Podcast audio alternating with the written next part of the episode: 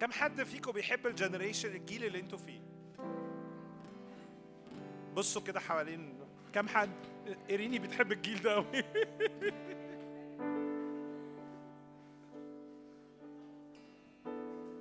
بجد ده سؤال بجد. كم حد بيحب الجيل اللي أنتوا فيه؟ okay. تمام. مية مية. مية مية. أنا بحب الجيل ده قوي عيالي من الجيل ده فوق يعني لا عيالي من الجيل ده. بس بحب حاجة في الجيل ده إن هم حقيقيين. من الآخر بيخلصوا من الآخر أوكي؟ النهارده وأنا بصلي للوقت ده كنت حاسس كنت حاسس كأنه الرب عايز يجيبنا الحته فيها نخرج من من اللي اتعودنا عليه. كنت حاسس كأنه ربنا بيقول لي هو أنت لما بتيجي تقول أنت قدوس تقصد إيه بجد؟ لما بتيجي تقول لي أنت عظيم أنت تقصد إيه بجد؟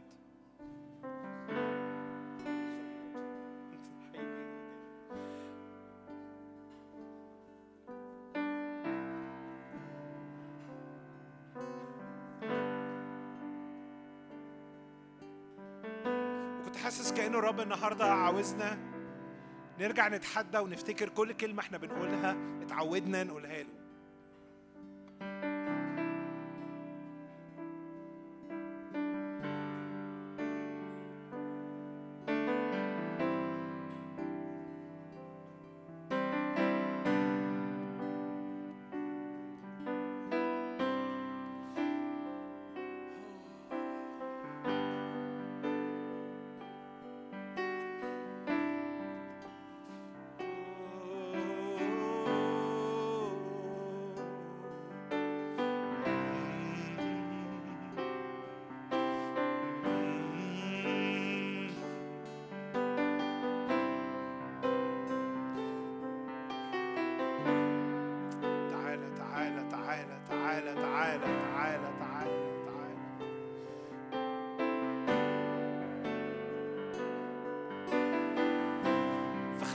النهارده حقيقي قوي. ما تقولش كلام وخلاص ما ترنمش ترانيم وخلاص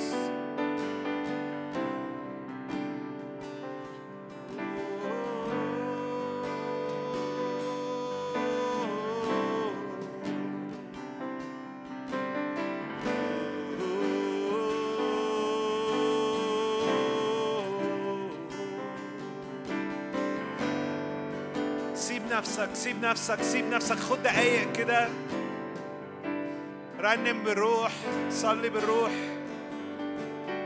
لو ما بتعرفش تعمل ده بس سيب ن- استسلم كده للروح القدس. يسوع قال إنه ذاك يمجدني. يسوع قال عن الروح القدس إنه ذاك يمجدني. لأنه يأخذ مما لي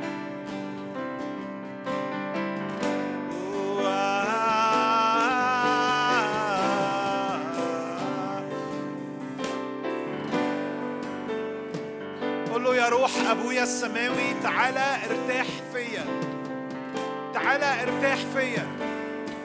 تعالى مجد يسوع فيا. تعالى مجد يسوع بيا. أنا جاي النهارده عشان أكرم يسوع. أنا جاي النهارده عشان أكرم يسوع. أنا جاي النهارده عشان أكرم الآب والابن والروح القدس. قول له ارتاح فيا.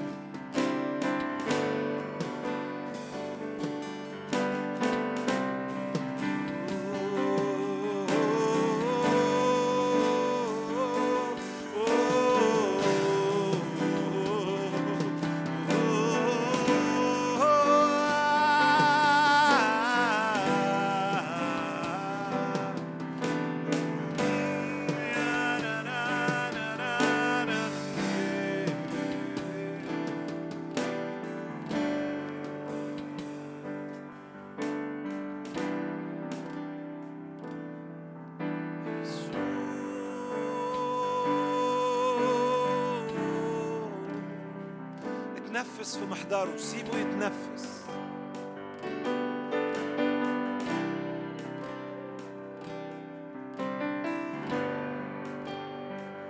فنفخ الرب الإله في آدم فصار آدم نفسا حية خليه النهاردة ينفخ فيك ينفخ فيك نفخات من السماء نفخات حياة من السماء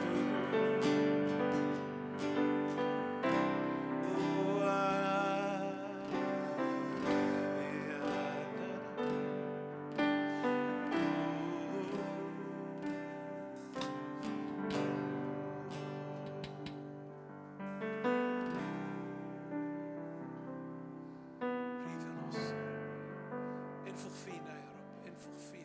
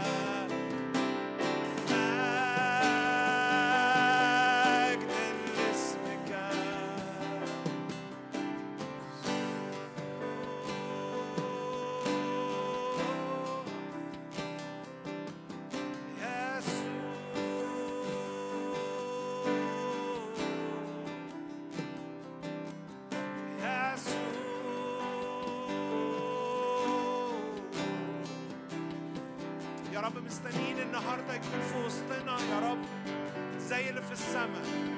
مستنيين يا رب يكون في وسطنا النهارده يا رب عبادة زي العبادة يا رب اللي ليك في السماء. لأنك أنت علمتنا نصلي كده يا رب لتكن مشيئتك كما في السماء. كذلك على الأرض يا رب الرسمة اللي في السماء يا رب زي ما هي يا رب تيجي يا رب. يا رب النهارده عايزين نعبدك يا رب من السماء مش نعبدك يا رب من رب نعبدك يا رب زي ما انت تعبد وتكرم وتمجد يا رب في السماء.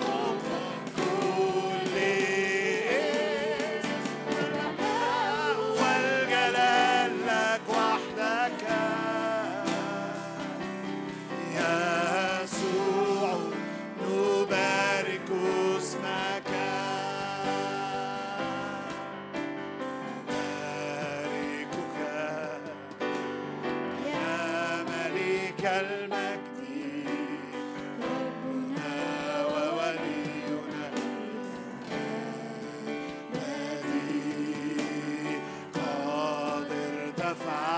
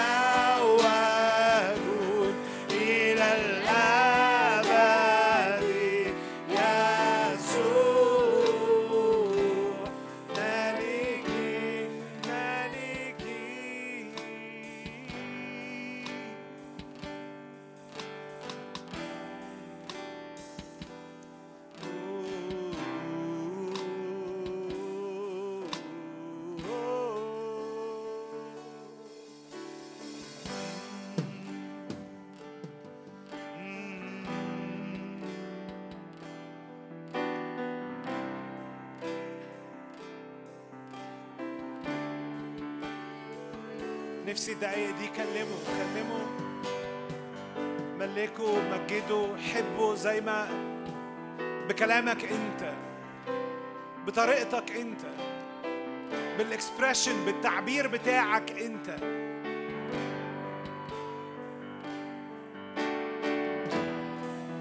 كلمه زي ما بتكلم اصحابك كلمي زي ما بتكلمي اصحابك. استعمل اللغة بتاعتك استعمل التعبير وال expression بتاعك.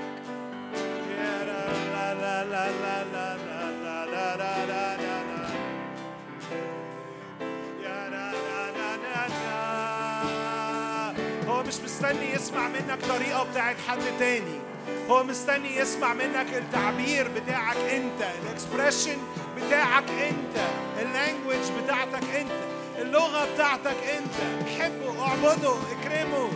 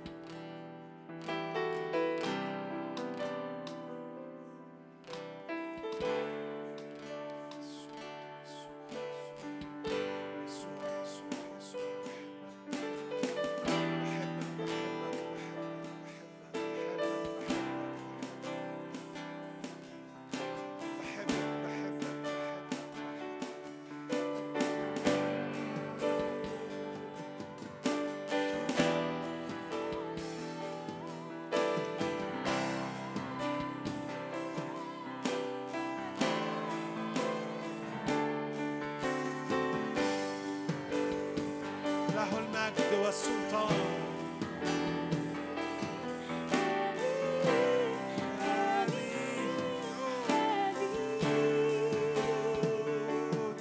الذي أحبني وقد غسلني وجعلني مالك وكاهن لله.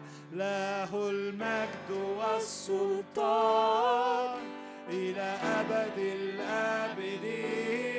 آمين. آمين. قولوا الذي أحبني. خليها شخصية قوي بينك وبينه. الذي أحبني. وقد غسلني.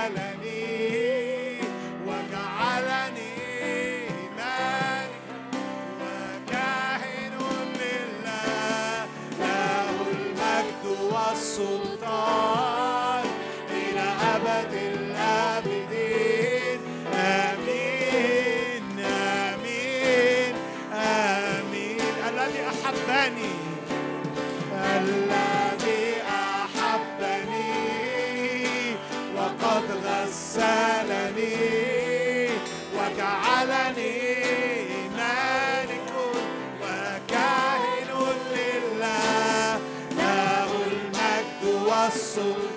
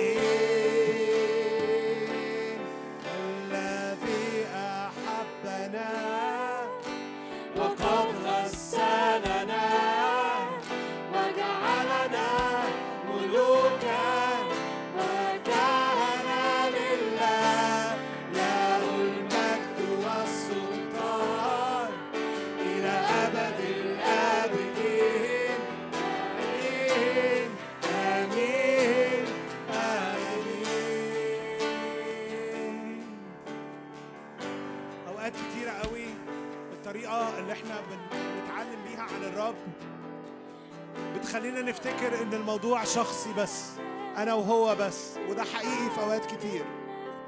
لكن أؤمن جدا إن الأيام دي الرب بيدور بيدور على عروسة بيدور على جسد بيدور على على عيلة. فعشان كده نفسي قبل ما إحنا نقول الكلام ده تاني قوم اتحرك من مكانك اقف جنب حد امسك في ايده أو حط ايديك على كتفه. وقول واقف بالإيمان دوت إن إحنا كلنا جسد واحد إن إحنا كلنا ملوك وكهنة. اقف بالإيمان إن أنا. كأنك بتقول له أنا مش عايز أقابل الرب لوحدي. أنا عايز أقابله معاك. أنا عايز أقابله معاكي مش عايزه أبقى لوحدي.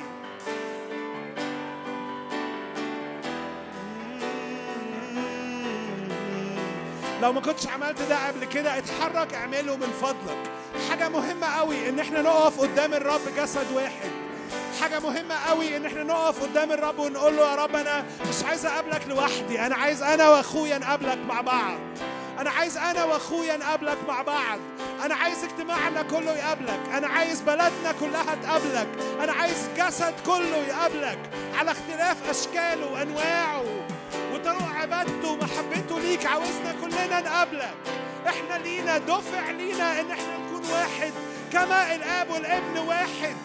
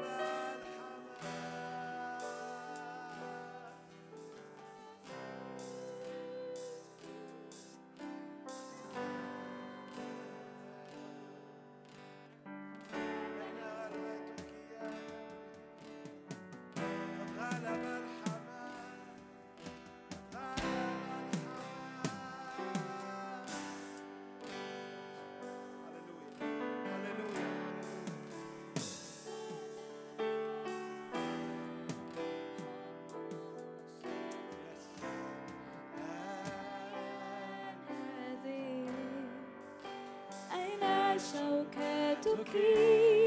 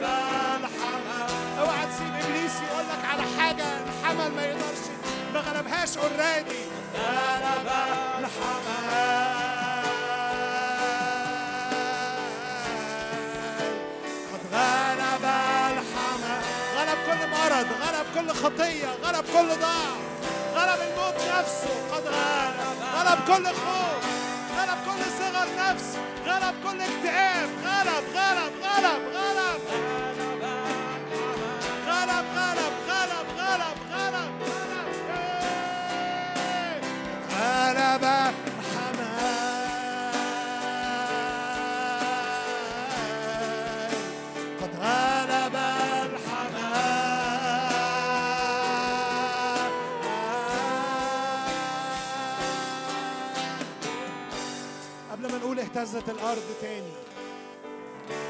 جوايا كده كانه كأنه الرب عايزنا نقف على أراضي وبوقفتنا عليها وإحنا بنعلن الكلمات دي تتهز تتهز تتهز تتزعزع الممالك تتزعزع الرياسات تنشق الأرض. ليه؟ لأن حبه الشديد لا ينهزم. لأن حبه الشديد لا ينهزم. معرفش إيه الأرض اللي انت عايز تقف عليها النهارده. يمكن عايز تقف على ارض بلدنا. يمكن عايز تقف على ارض مرض. يمكن عايز تقف على ارض ناس اصحابك أو اصحابك. يمكن عايز تقف على ارض امور انت بتصارع فيها ومخبوط فيها. لكن اقف على ارض اقف على الأرض. وقول قد غلب الحمل هنا. راية الحمل هنا راية الحمل هنا.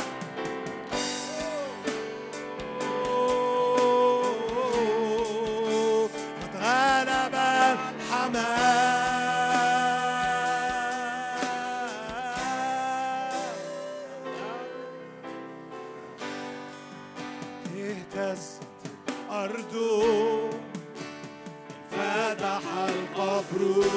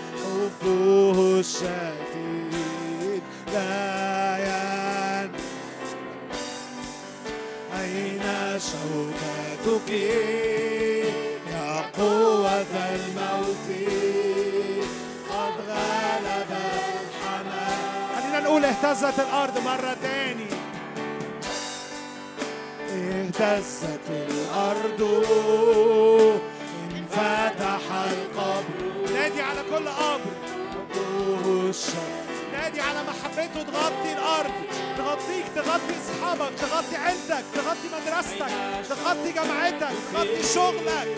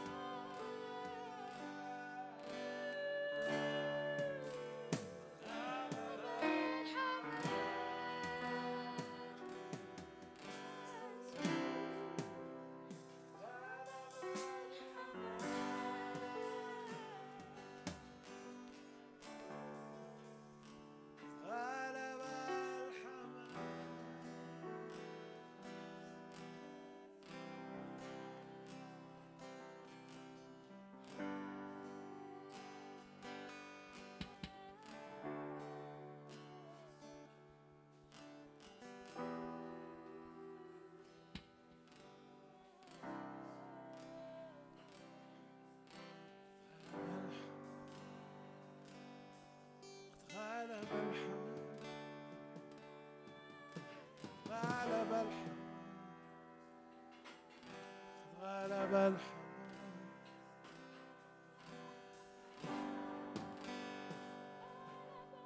قد غلب الحمام قد غلب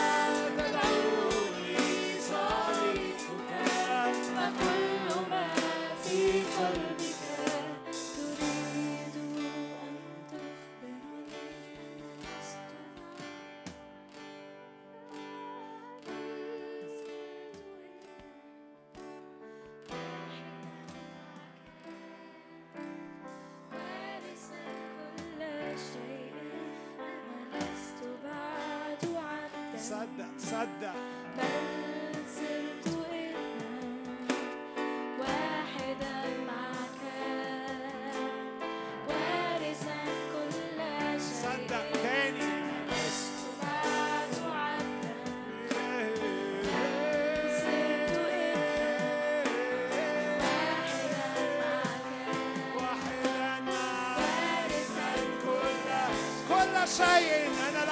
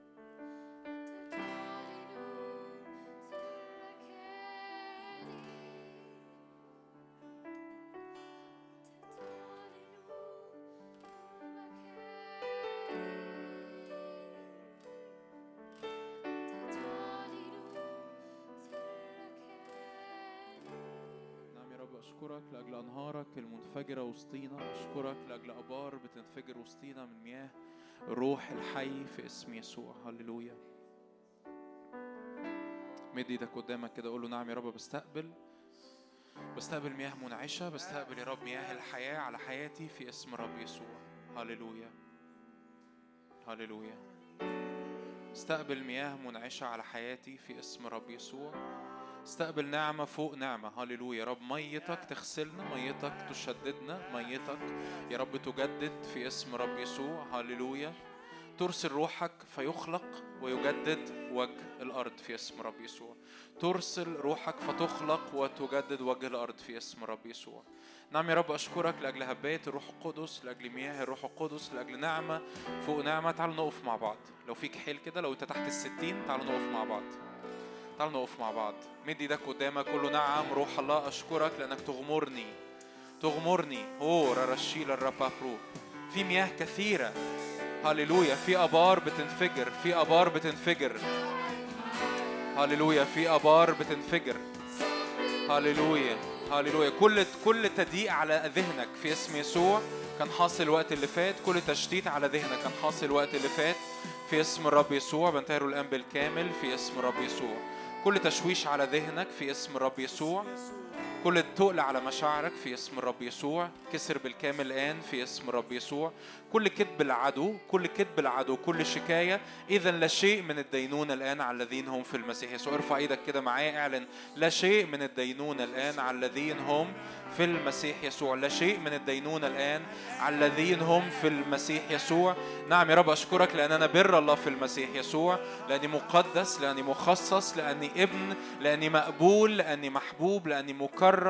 في اسم الرب يسوع لأن رب محبتك تغمرنا. هللويا هللويا. عطش لمياه يس أعطش يس كي تروي من نبعك فلا أعطش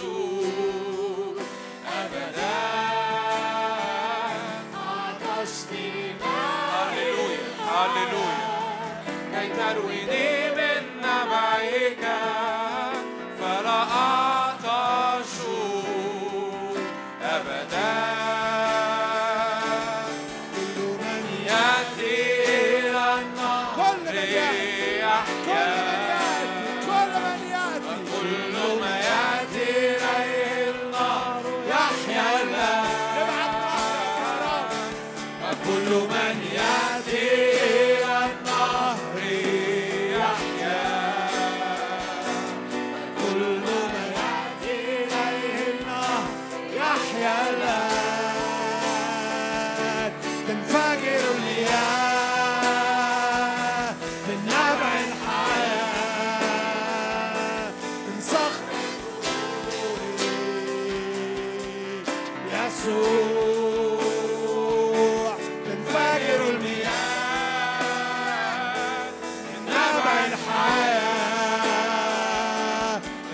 الدور يسوع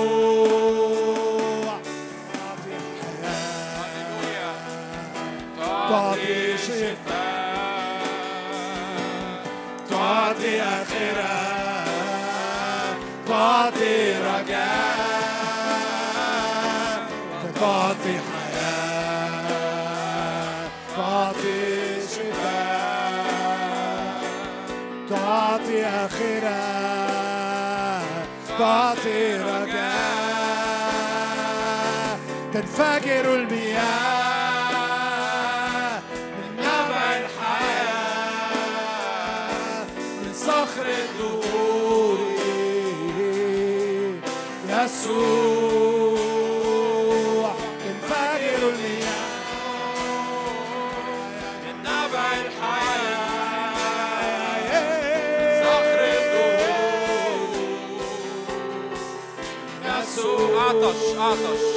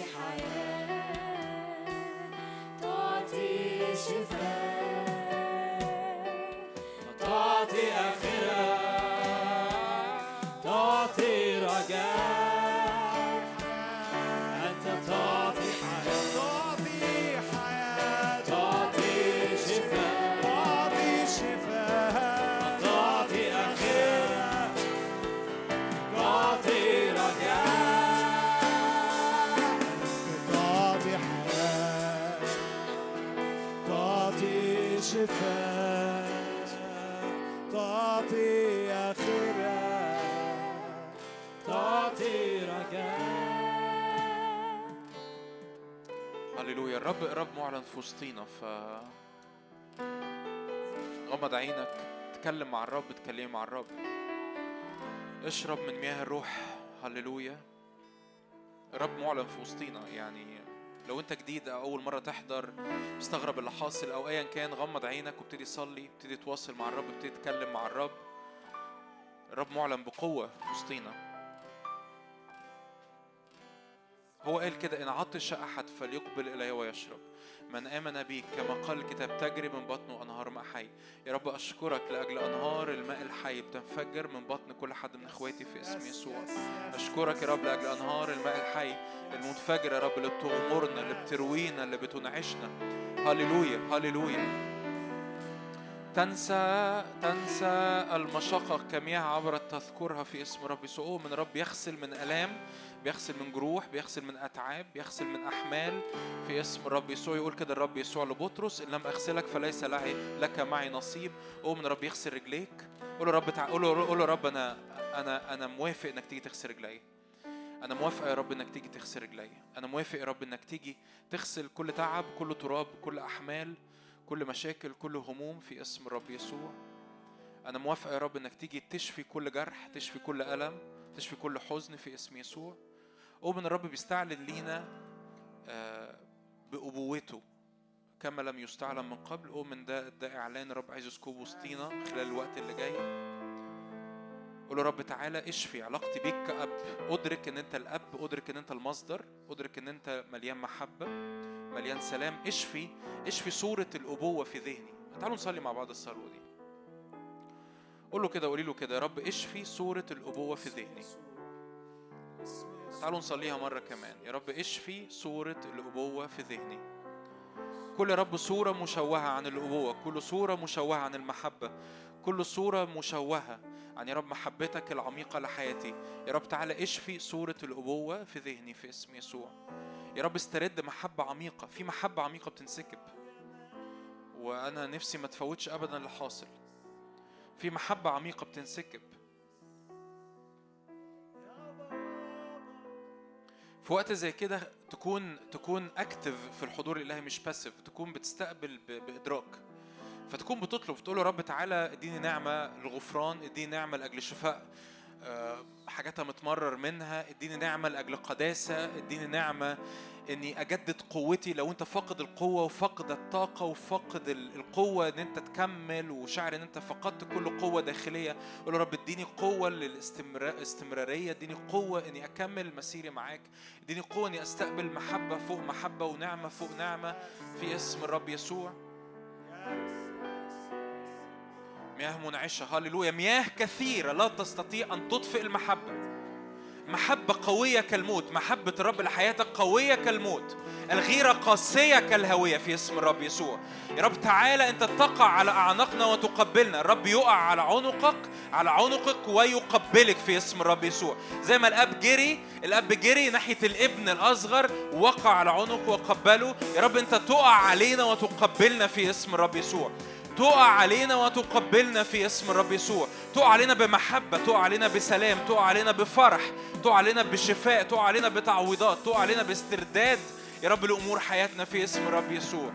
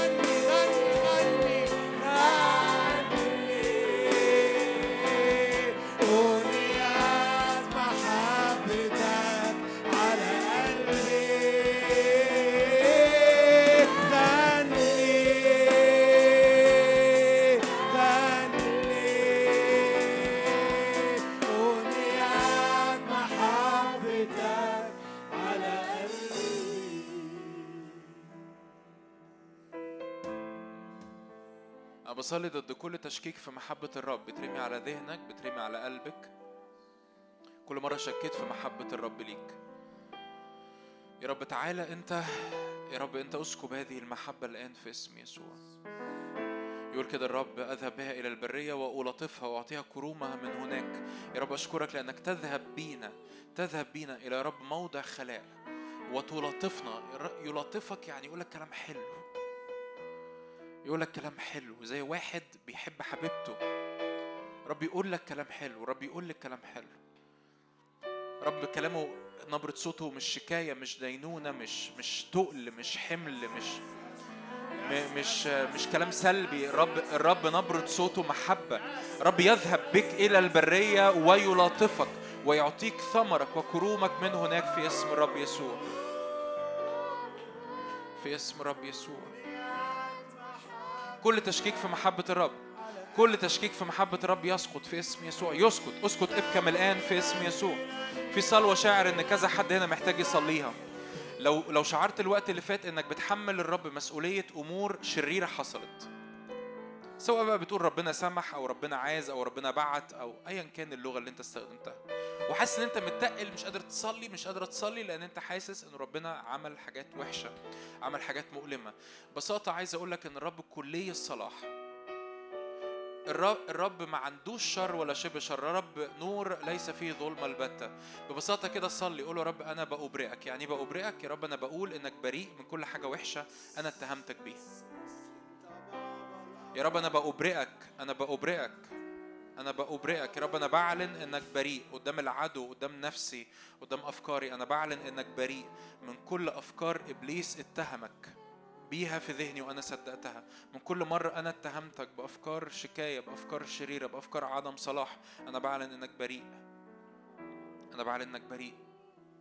أنا بعلن إنك غير مسؤول عن الشر. إنك لا تجرب بالشرور. إنك ما عندكش تغيير ولا ظل دوران. ما عندكش شر. ما عندكش شر. ما عندكش شر ما عندكش ظلمة أنت كلك نور. أنت مش مسؤول عن الشر يا رب اللي بيحصل لي. انت مش مسؤول يا رب عن الشر اللي بيحصل لي. انت مش مسؤول عن أي ألم أنا بعدي بيه.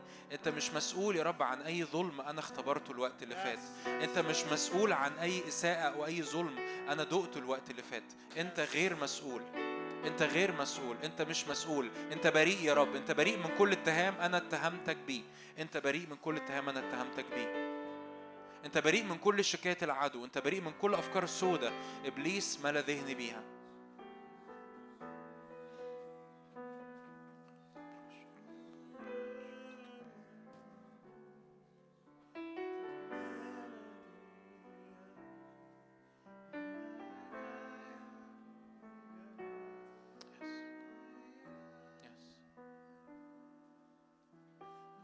جمالك يسبي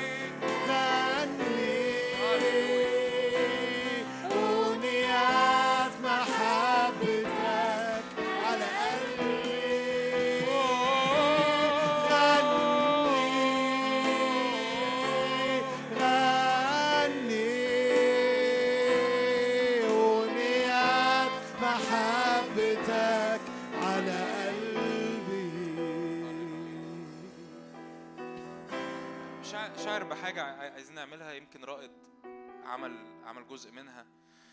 أنا شاعر إن الرب عايز يحضننا. ف فإحنا عايزين نحضن بعض. البنات يحضنوا البنات الولاد يحضنوا الولاد. اتكلم بجد. أحضن أكبر قدر من الناس اللي بس بس أحضنهم. أنا بتكلم أنا بتكلم بجد. اللي هنعمله ده حقيقي اللي هنعمله ده روحي اللي هنعمله ده خاص. أحضن أخوك أحضني أختك بإدراك إن حقيقي في محبة منسكبة على حياتي بتنسكب على حياته وفي محبة الرب هيسكبها من خلال أخويا لحياتي. أمين؟ اعملوا كده نعمل كده إحنا في الروح. اعمل كده وانت في الروح. ما مش هنعمل دوشة. بكلم بجد مش هنعمل دوشة. مش هنهزر. اعمل كده بإدراك إن اللي بيحصل ده الناس اللي واقفة عند الباب ورا دي ما حدش معبرها. تعالوا كده عشان عشان تتحضنوا أنتوا كمان. كده عشان تتحضنوا. آه قربوا كده عشان تتحضنوا. استقبل محبة. استقبل محبة وفيد محبة. استقبل محبة وفيد محبة. في في محبة الرب عايز يسكبها ممكن أقول لكم حاجة عملية قوي في الموضوع ده عشان أنا دي حاجة بحب أعملها قوي بحب أحضن الناس قوي. وأنا بحضن الناس بفكر ربنا بيفكر إيه في الناس دي دلوقتي. وصدقوني you'll be surprised. وأنتوا بتحضنوا بعض فكروا الرب بيحب بيفكر إيه في اللي أنا بحضنه أو في اللي أنا بحضنها دلوقتي.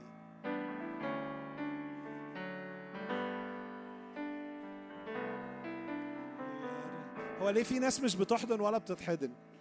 خير يعني يا جماعة خير خير. محبوبين تمام يعني تانك المحبة مليان زي الفل. لو كده روحوا احضنوا الناس التانية يعني اللي بتتحضن الغلابة دي.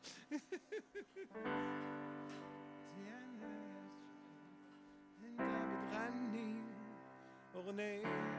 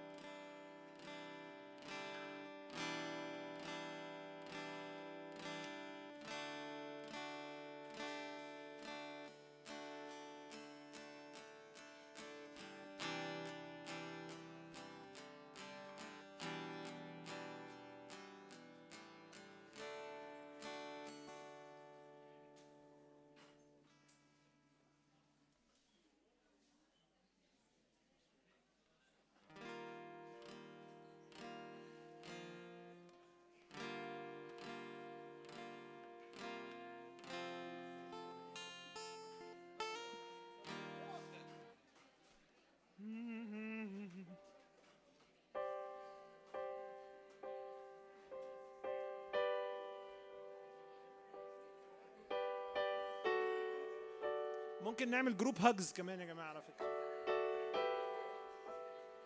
صدقوني يا جماعة.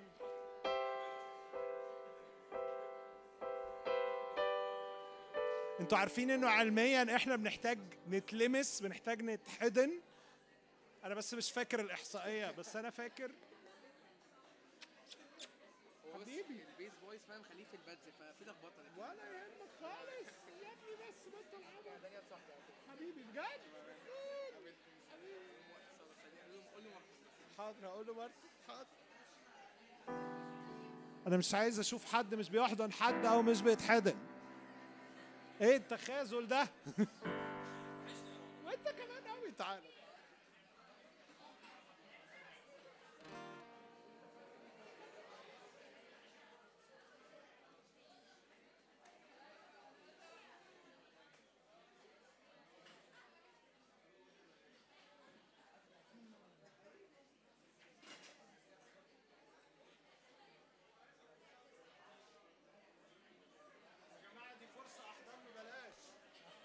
مش بتتكرر دي. أحضان ببلاش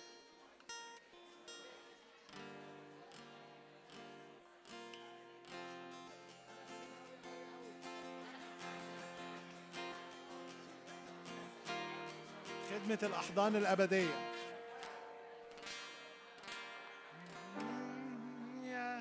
إحنا مش عايزين نبوظ ال- نبوظ الجون. بيقول لي كمل فبقول له مش عايزين نبوظ الوعظه الجون. لا لا it's okay. لسه في لسه في سكيب محبة.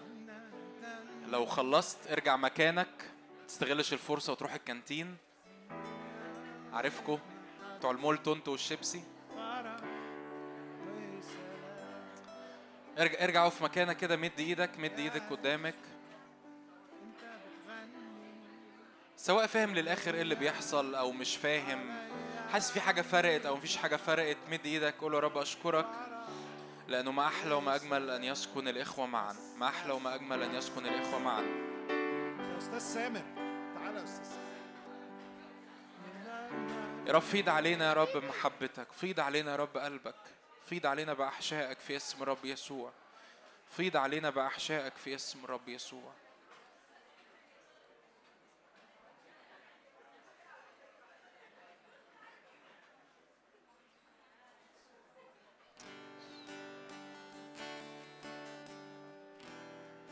لو حاسس إنك الوقت اللي فات كنت منحصر في حتة ضيقة أقول يا رب أشكرك.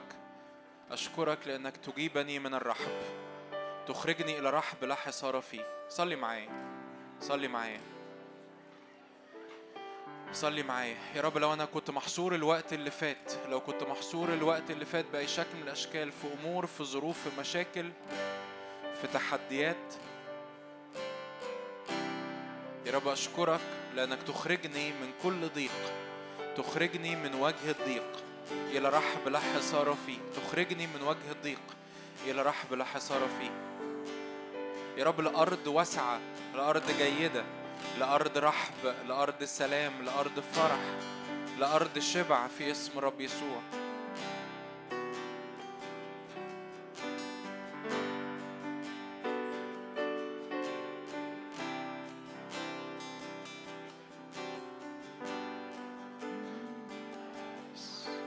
يا رب حول يا رب كل برية. صلي معايا كده ارفع إيدك. يا رب حول كل برية لبستان في اسم يسوع. كل برية كل أراضي صحراء كل أراضي صحراء كل أراضي صحراء كل أراضي صحراء يا رب تنبت من كل أراضي صحراء في اسم يسوع. جنات. جنات في اسم الرب يسوع. يا رب تخرج من كل أراضي صحراء من كل أراضي برية جنات في اسم الرب يسوع. من كل أراضي موت من كل أراضي سلب من كل أراضي يا رب وجع من كل أراضي ألم من كل أراضي تشتيت. تخرج يا رب جنات تخرج جنات في اسم رب يسوع تخرج أشجار في اسم رب يسوع. يقول كده الكتاب إلى أن يسكب علينا روح من العلاء فتصير البرية بستان ويحسب البستان وعر. يا رب أشكرك لأنه يا رب تصير البرية بستان ويحسب البستان وعر في اسم رب يسوع. في اسم رب يسوع في اسم يسوع. إحنا ما خلصناش عبادة على فكرة فما تقعدش كأنك مستني إن أنا وعظ قول له رب أشكرك لأنك تحول البرية لبستان.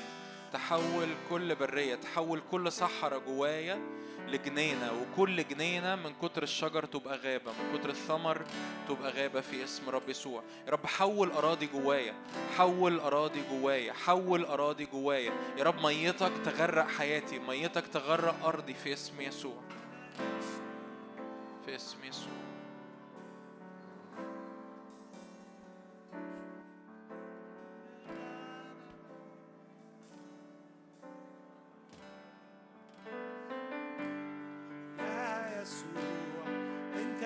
عني. أغنية عليا أغنية محبة وفرح وسلام. يا يسوع أنت بتغني.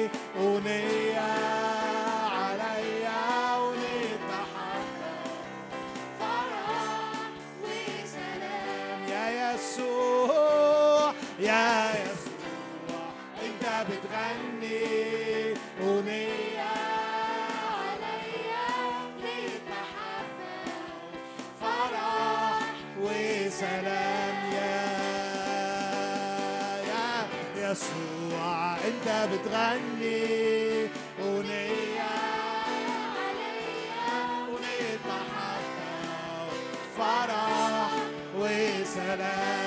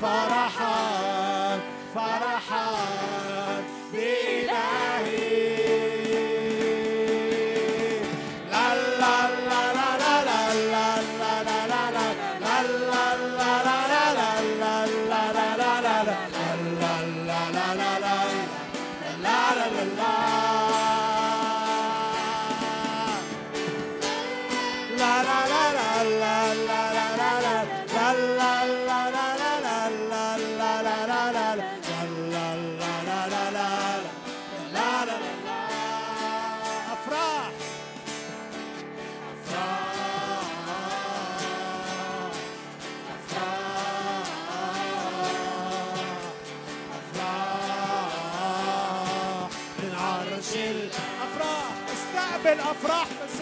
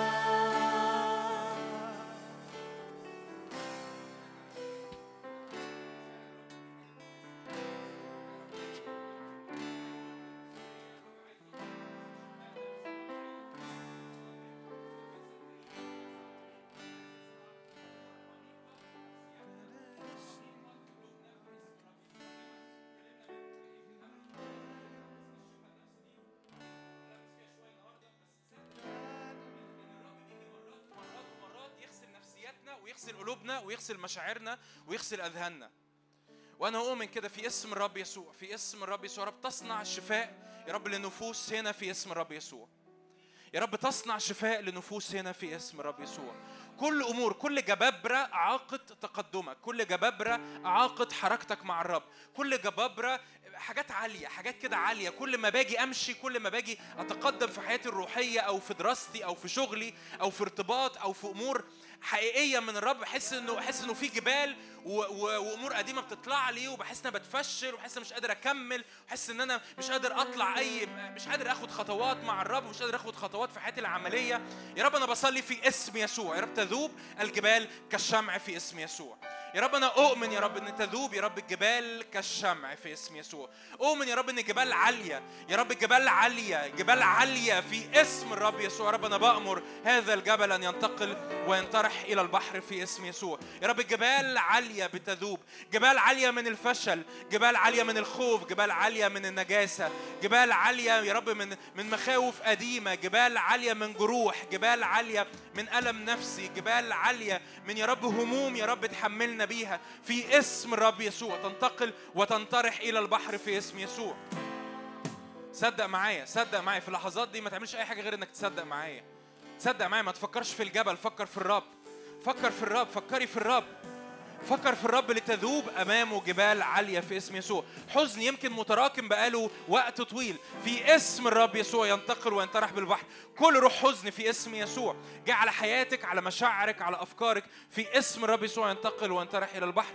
كل فشل كل تفشيل كل خوف المستقبل. في اسم الرب يسوع ينتقل وينطرح إلى البحر.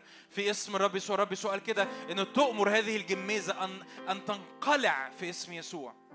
كل جمي- جميزة يعني الجميزة من أكتر الأشجار اللي جذورها بتبقى دبة في الأرض. في حاجات جذورها دبت في الأرض.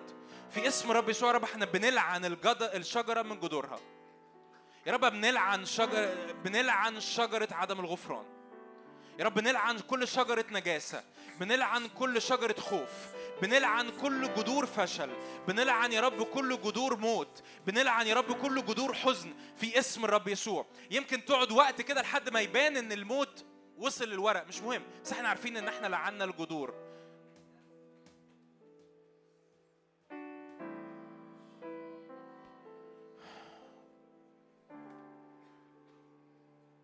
كل جذور سلب في اسم يسوع. كل جذور سلب كل جذور استنزاف. في اسم الرب يسوع بنلعنها في اسم الرب يسوع. يقول كده الرب الرب يسوع كده إنه إنه الشجرة يبست من جذورها من أصولها. يا رب أنا أؤمن إن الشجرة تايه بس من الأصول. يمكن تاخد وقت لحد ما يبان من بره مش مهم. بس نؤمن إن الشجرة بتلعم من الأصول. كل أصول حزن كل أصول موت كل أصول استنزاف. كل أصول خوف كل أصول تفشيل كل أصول آلام متكررة كل أصول علاقات بايظة. يا رب في اسم يسوع اؤمن يا رب إنه في أشجار يا رب في هذه الليلة بتلعم من الجذور في اسم الرب يسوع.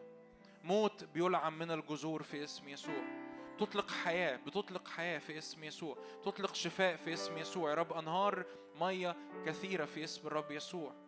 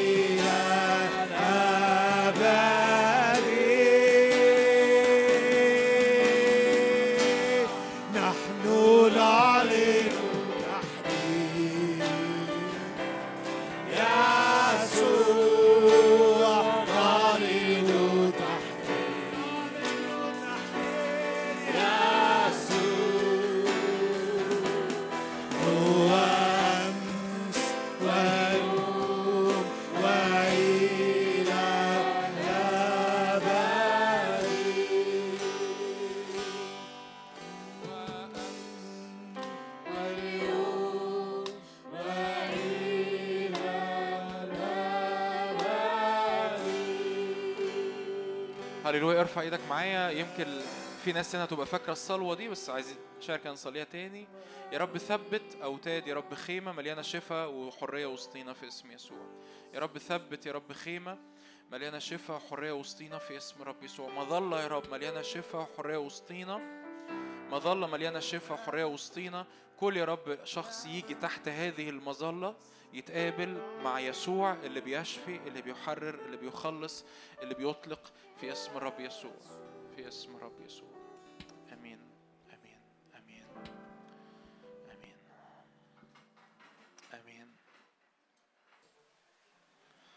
مساء الخير. كويسين؟ آه،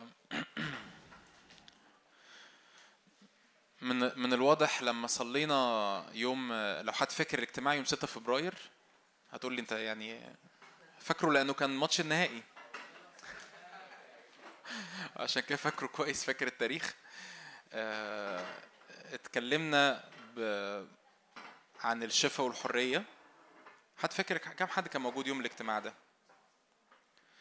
آمين. آه، وصلينا وكان حتى الوقت بدرنا الاجتماع وبعد كده في الآخر برضو ما روحتوش. كملنا صلاة و آه، وصلينا صلوة كده في آخر الاجتماع إنه إنه شعرنا إنه الرب عايز يثبت خيمة ليها علاقة بالشفاء والحرية وسطينا، حد فاكر الصلوة دي؟ حد فاكر الصلوة دي؟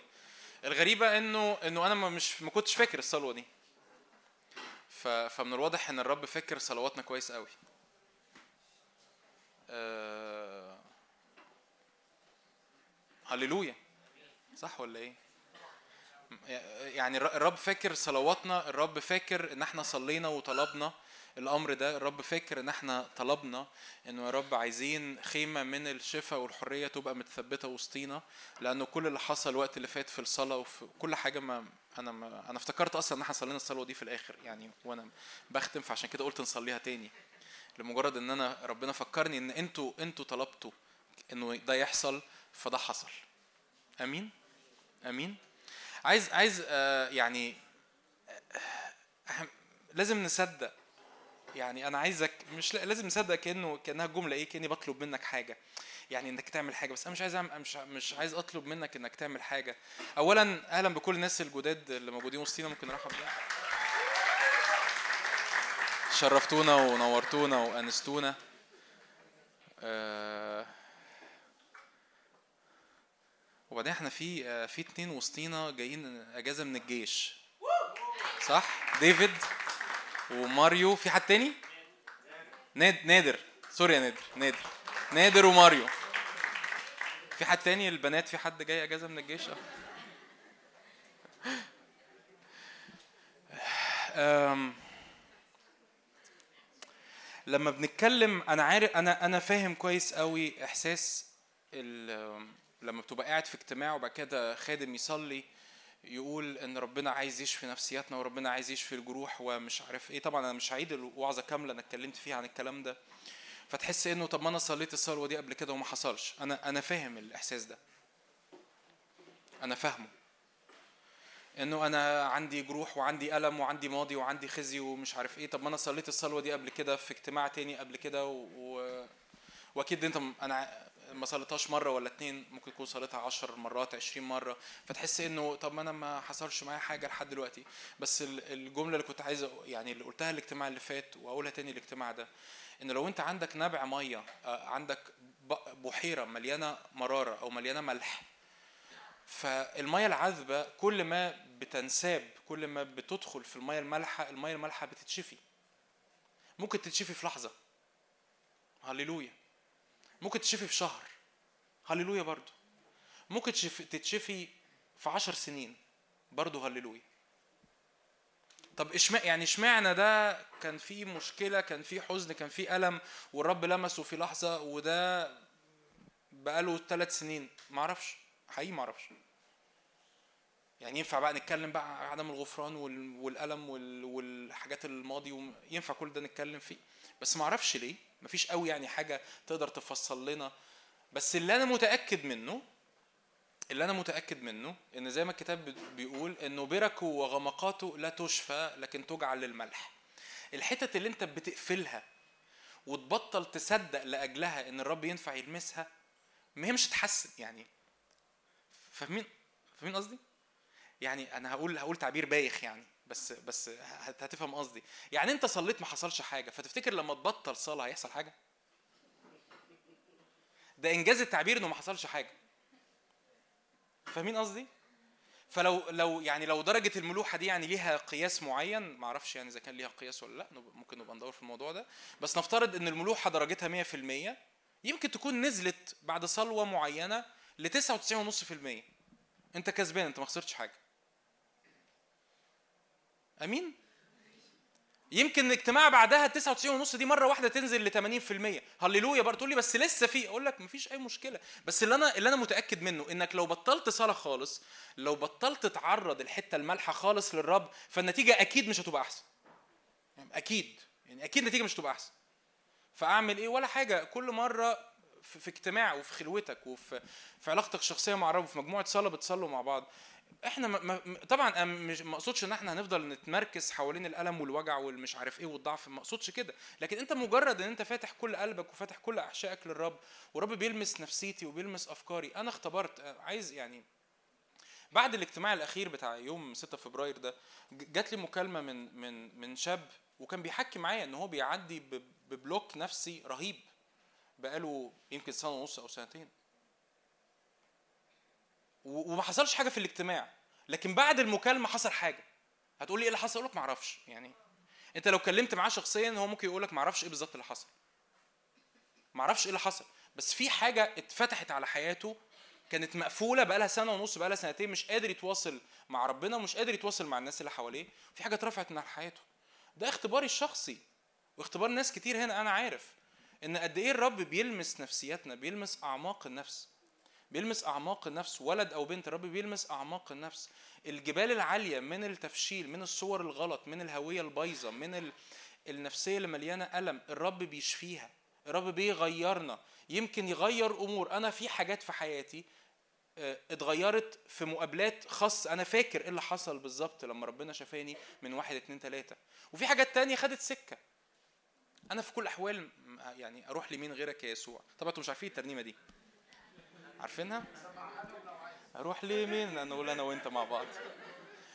ف ف يعني أنا متأكد إن وجودي في حضوره إن وجودي قدام كلمته إن وجودي قدام المية المالحة اللي بتتفتح ل- لأنهار المية العذبة ده ب 100% بيصنع تأثير. قد إيه يعني؟ ما أعرفش قد إيه. طب ليه مش بسرعة؟ ما أعرفش برضه. بس اللي متأكد منه إن إن بعدي عنه ما- مش هيحل المشكلة. ده اللي متأكد منه.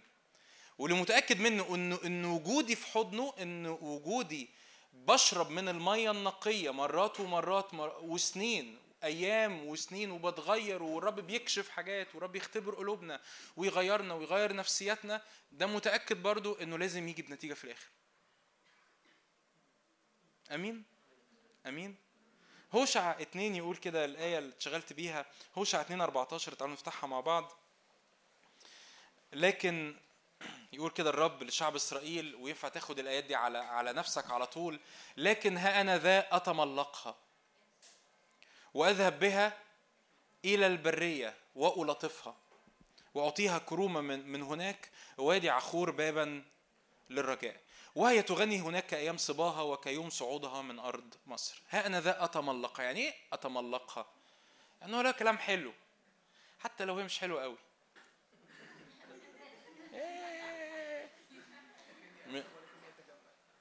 ده الرب اللي بيعمل إيه؟ الرب ما عندوش أي مانع إنه يتملقك.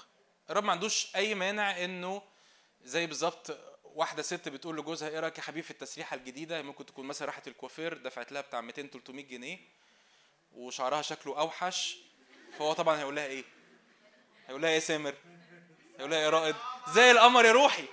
ما يقدرش يقول أي حاجة غير كده. زي القمر. شكل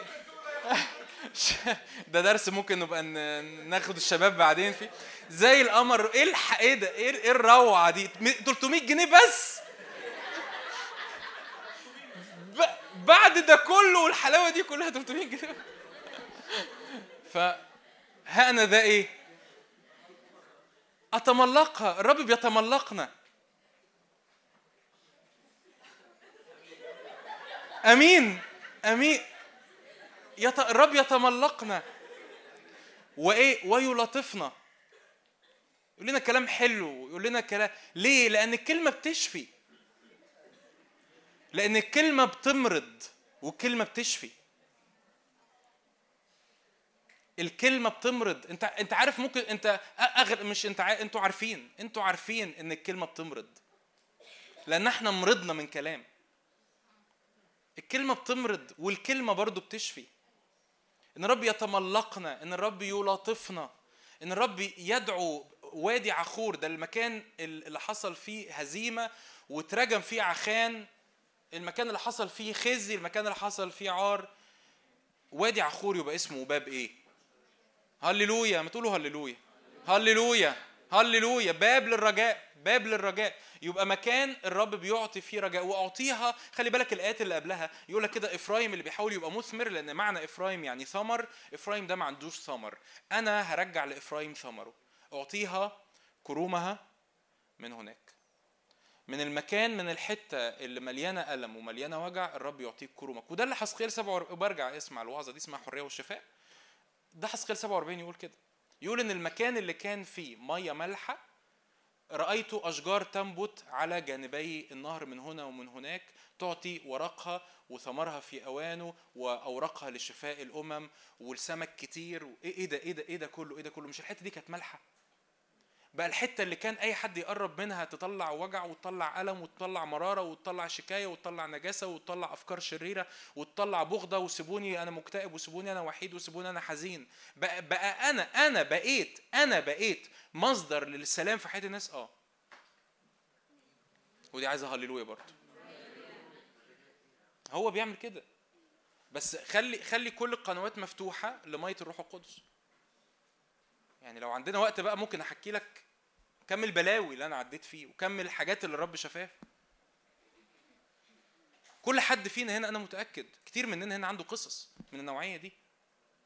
فصدق صدق إنك إنك بتفتح قلبك للرب وبتفتح اعشائك للرب وبتستقبل محبه وطب يعني أصل أنا مش مطمن قوي لربنا. الرب عايز يتملقك إيه رأيك؟ في في في في أكتر من كده؟ في أكتر من كده؟ الرب يريد أن إيه؟ يتملقك ويلاطفك أمين؟ أمين؟ أوكي النهارده وعظة خفيفة لذيذة جميلة. صدقوني ما تقلقوش هنتكلم عن إيه تفتكروا؟ إحنا إحنا ماشيين خط الوقت ده. كل فترة الرب بيقودنا كده ل... لأنه إحنا إحنا شعارين بتثقل على قلبنا إنه ما نكونش القصة ما هياش يعني اجتماع طي... اجتماع طياري كده تحضروه خلاص. لكن زي ما سمعت الوعظة بتاعت الاجتماع اللي فات إزاي تثبت مع الرب وازاي تكبر مع... في حاجة يا رامي؟ لا اتفضل اتفضل. آه عايز؟ تعال آه هنا حواليا. تعالوا اقفوا معايا يا شباب. فالثبات والنضوج مع الرب. فاحنا شاعرين إن الرب عايز ياخدنا في رحلة. هنتكلم كتير الوقت اللي جاي. عن إزاي تكبر مع الرب أكتر هنتكلم شاعرين ان الرب عايز يثبت قوي هويتنا. إحنا مين في المسيح؟ ورب شايفنا إزاي؟ فالنهاردة هنتكلم عن عن موضوع حلو ولذيذ. حبيبي اتفضل.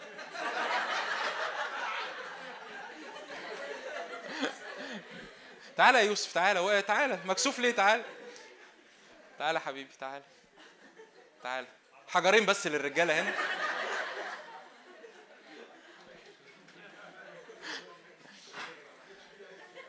حد ما فيش ما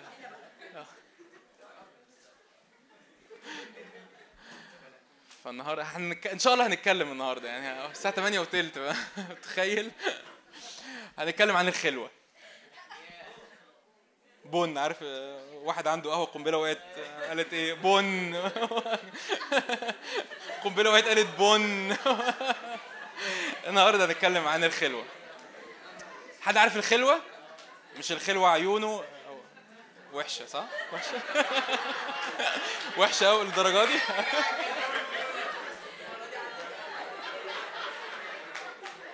لا بس لقطوها متأخر. في في ناس هناك عجبتهم.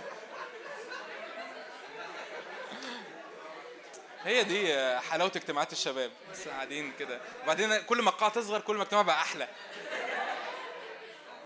بس قاعدين مع بعض كده في الصالون. في ناس يعني بصالي تقول هو إيه الاجتماع الغريب ده؟ إيه اللي جابنا النهارده؟ أمين أمين. آه، فالنهاردة نتكلم عن الخلوة. هحكي عن الخلوة بشكل مش هطو مفيش حاجة مش هتسمع حاجة يعني خطيرة. لكن آه، لأن دايما بنحس إن إحنا لما بنعمل مؤتمر وبنقول يلا يا شباب ده وقت الخلوة فبنلاقي الناس كتير مش مش عارفة هي تعمل إيه. وحتى لو أنت بتاخد خلوتك وملتزم في خلوتك فيعني أمين هتستفيد يعني. أمين الرب موجود والرب بيتكلم وهتستفيد. آه، إيه هي الخلوة ببساطة؟ يعني إيه وقت الخلوة بقى؟ تسميه بقى خلوة تسميه أنا بقعد مع ربنا تسميه quiet time تسميه زي ما تسميه. في أسامي تانية؟ عندك أسامي تانية؟ ايا كان. تسميه زي ما تسميه. إيه إيه- يعني إيه إيه أصلا القصة دي؟ ببساطة الخلوة دي يعني أنت تقعد في وقت لوحدك مع ربنا. يعني هبتدي إيه؟ basics خالص. بدائيات أساسيات مش هقول أي يعني إيه خلوة. يعني إيه خلوة. الخلوة ببساطة ما هياش إني أصلي في الاجتماع. مش خلوة. اسمها إيه أصلا؟ خلوة. يعني أنا أنا مختلي. أنا أنا والرب لوحدي. أنا إحنا أنا والرب لوحدينا. فالخلوة هي قاعدة أنا والرب لوحدينا. يقول كده الرب يسوع في متى ستة؟ عدد خمسة. متى صليت فلا تكن كالإيه؟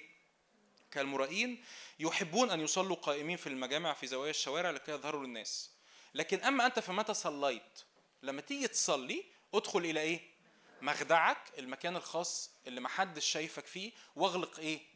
بابك. أبوك الذي يرى في الخفاء يجازيك علانية فالخلوة هي قاعدة منفردة ما بينك وما بين الرب. طب ليه؟ ليه أنا محتاج يعني يعني أوقات أنا أنا طبعا مش هقدر أقول كل حاجة ينفع تقال في الموضوع ده. أنا هقول الحاجات الأساسية فقط. آه، ليه يعني؟ أوقات ناس تقول لك طب ما أنا أنا أنا وربنا حلوين يعني وبنحب بعض. أصل أنا بتكلم مع ربنا وأنا في الباص بتاع الجامعة. اصل أنا بقرا ال Bible وأنا في الباص بتاع الشغل. اصل أنا وأنا وأنا راكبه ال Uber بقى إيه ب- بصلي كده برفع قلبي. اصل وأنا قبل على السرير بالليل قبل ما انام في ناس بتقعد تبرق لي وأنا على السرير قبل ما انام إيه بقول ابانا الذي. إيه يعني ليه لازم يعني خلوة يعني ناموس يعني قانون يعني الخلوة دي يعني نقعد مع ربنا وإحنا لوحدينا. هقول لك ليه. اولا لأنه أساس العلاقة ما بيني وما بين الرب هي علاقة محبة.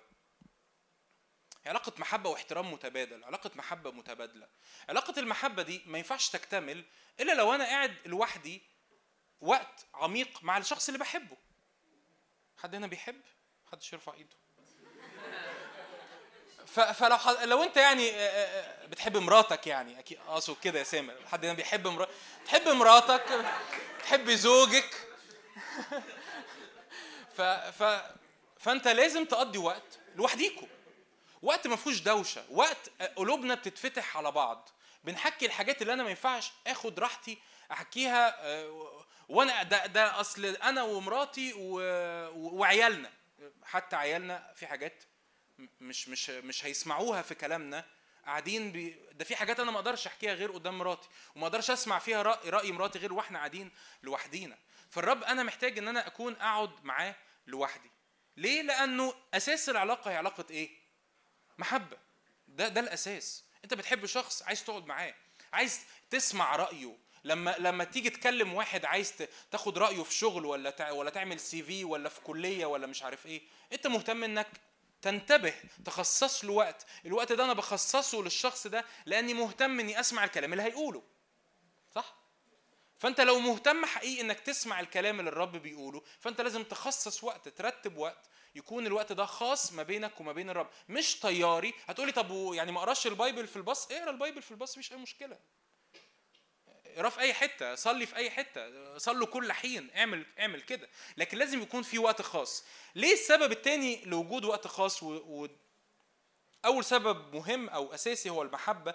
تاني سبب مهم أنا بسميه كده صيانات دورية. بسمي كده الخلوه هي صيانة دورية. لو انت زي أي عربية في الدنيا ال... عارفين العربيات؟ عارفين العربيات؟ أكيد عارفين العربيات. زي أي عربية في الدنيا انت بكل 10000 كيلو أو كل 5000 كيلو اللي عنده عربية أو اللي يعرف حد عنده عربية أو اللي بيسمع عن العربيات بياخد العربية يوديها مركز الصيانة يغير لها فلتر يغيرها زيت يكشفوا على السيور يكشفوا على في في حاجات كده أساسية لازم تتغير. اللي عنده عربية بقى وفوت قبل كده ميعاد الصيانة. يعني انت حضرتك ميعاد الصيانة بتاعتك ولا بتاعتك 5000 كيلو؟ والعربية مشيت 5500 كيلو. هي العربية باظت.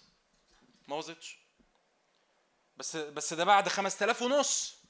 طب استنى عليها 10000 كيلو. باظت. برضو غالبا هتفضل مكملة شوية. أي نعم الزيت هيبقى اتحرق. بس العربية مكملة. بس انت مرة واحدة هتدخل في مصيبة اسمها بقى إيه؟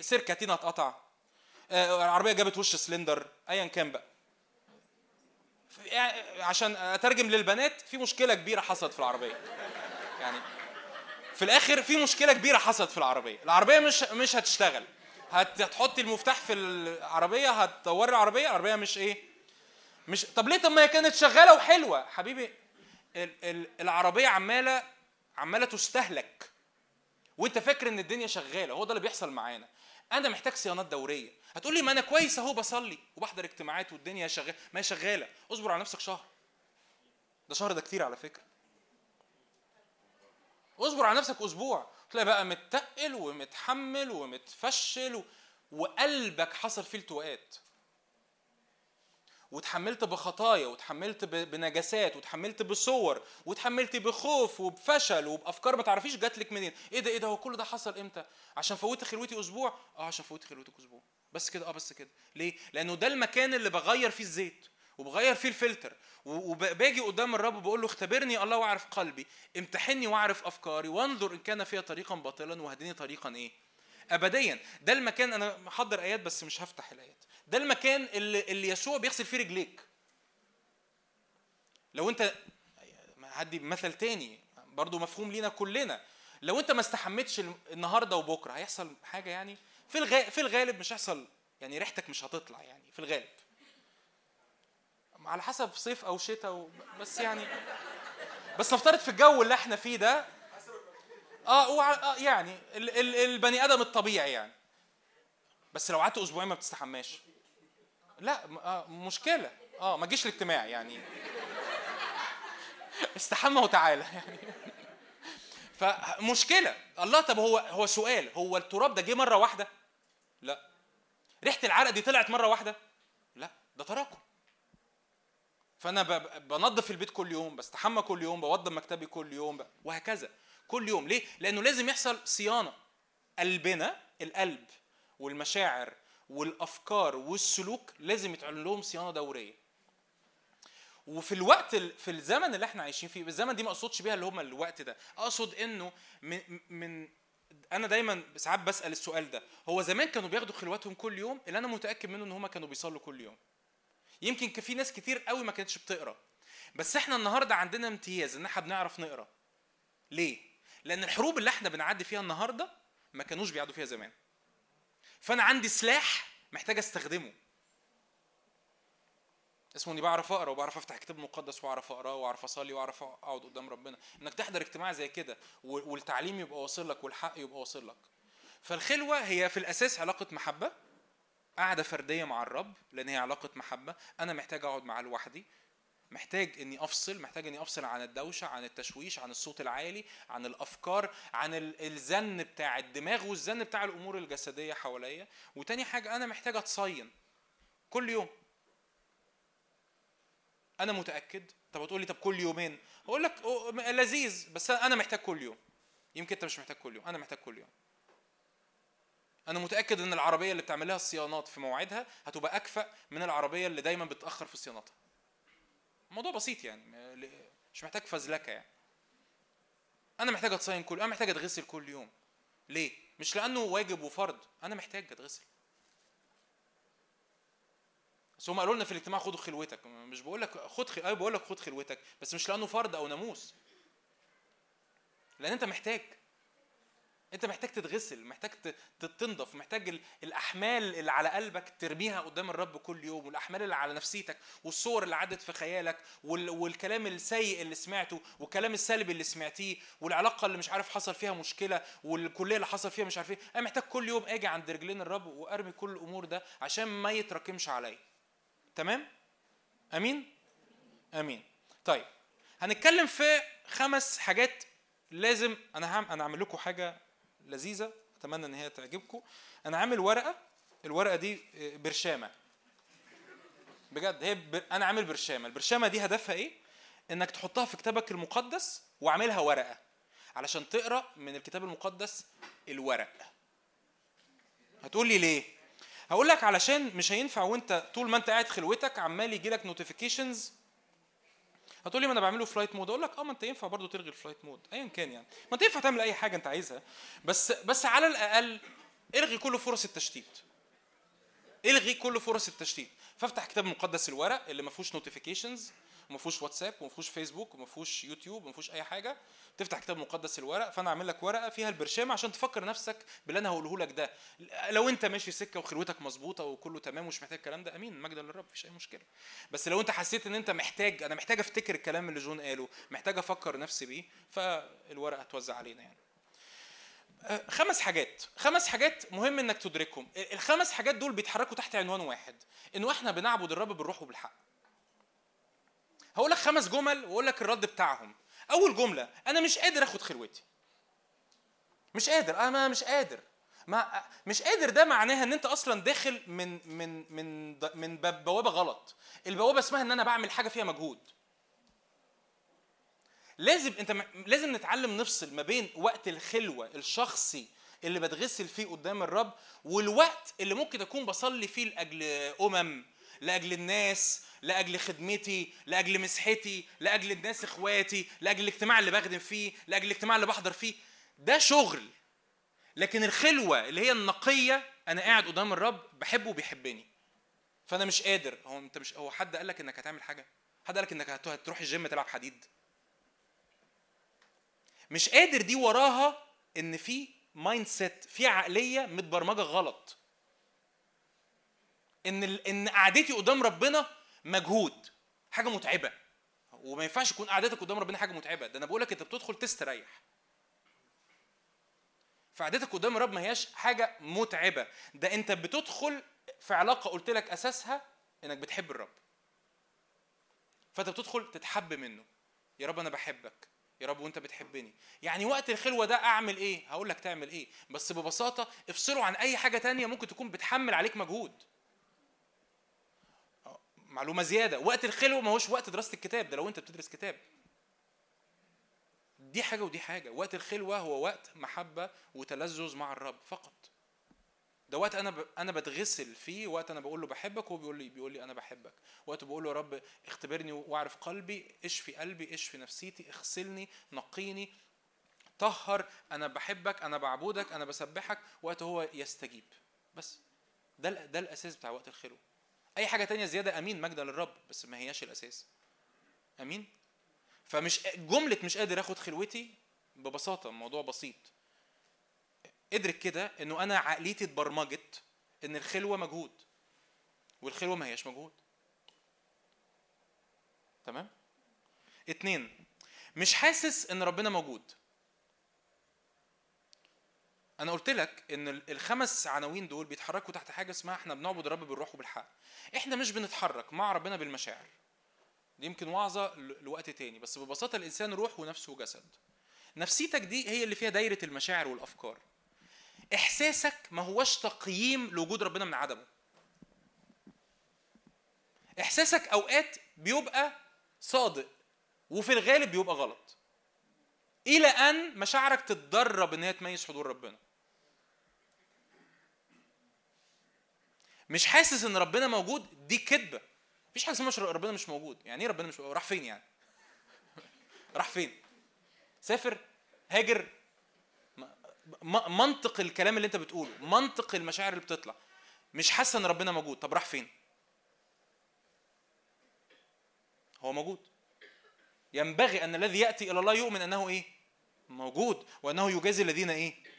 يطلبونه. الرب حاضر وموجود بالإيمان. طب أنا مش حاسس. مش مهم. أنا عشان خاطري. صدقني. مش مهم. أنت بتسلك ورا الرب بإيمان. ولما بتسلك ورا الرب بإيمان مشاعرك بتيجي بعد كده. هو يمكن ده الحتة اللي بنحس إنه إيه؟ إن مجهود. آه هو مش مجهود قوي. أنت مجرد أنت بتصدق إنه ربنا موجود. لما بتمرن ذهنك لما بتمرني ذهنك على على الإدراكات اللي أنا هقولها دي وهتقول لي يعني أعمل إيه؟ يعني تخش وقت الصلاة تقول كده يا رب أشكرك لأنك حاضر وموجود. طب أنا مش حاسس. هتقولها تاني يا رب أشكرك لأنك حاضر وموجود. عايز تفتح آية؟ افتح عبرانيين 11 يا رب أشكرك لأني أؤمن إنك موجود وإنك تجازي الذين يطلبونك.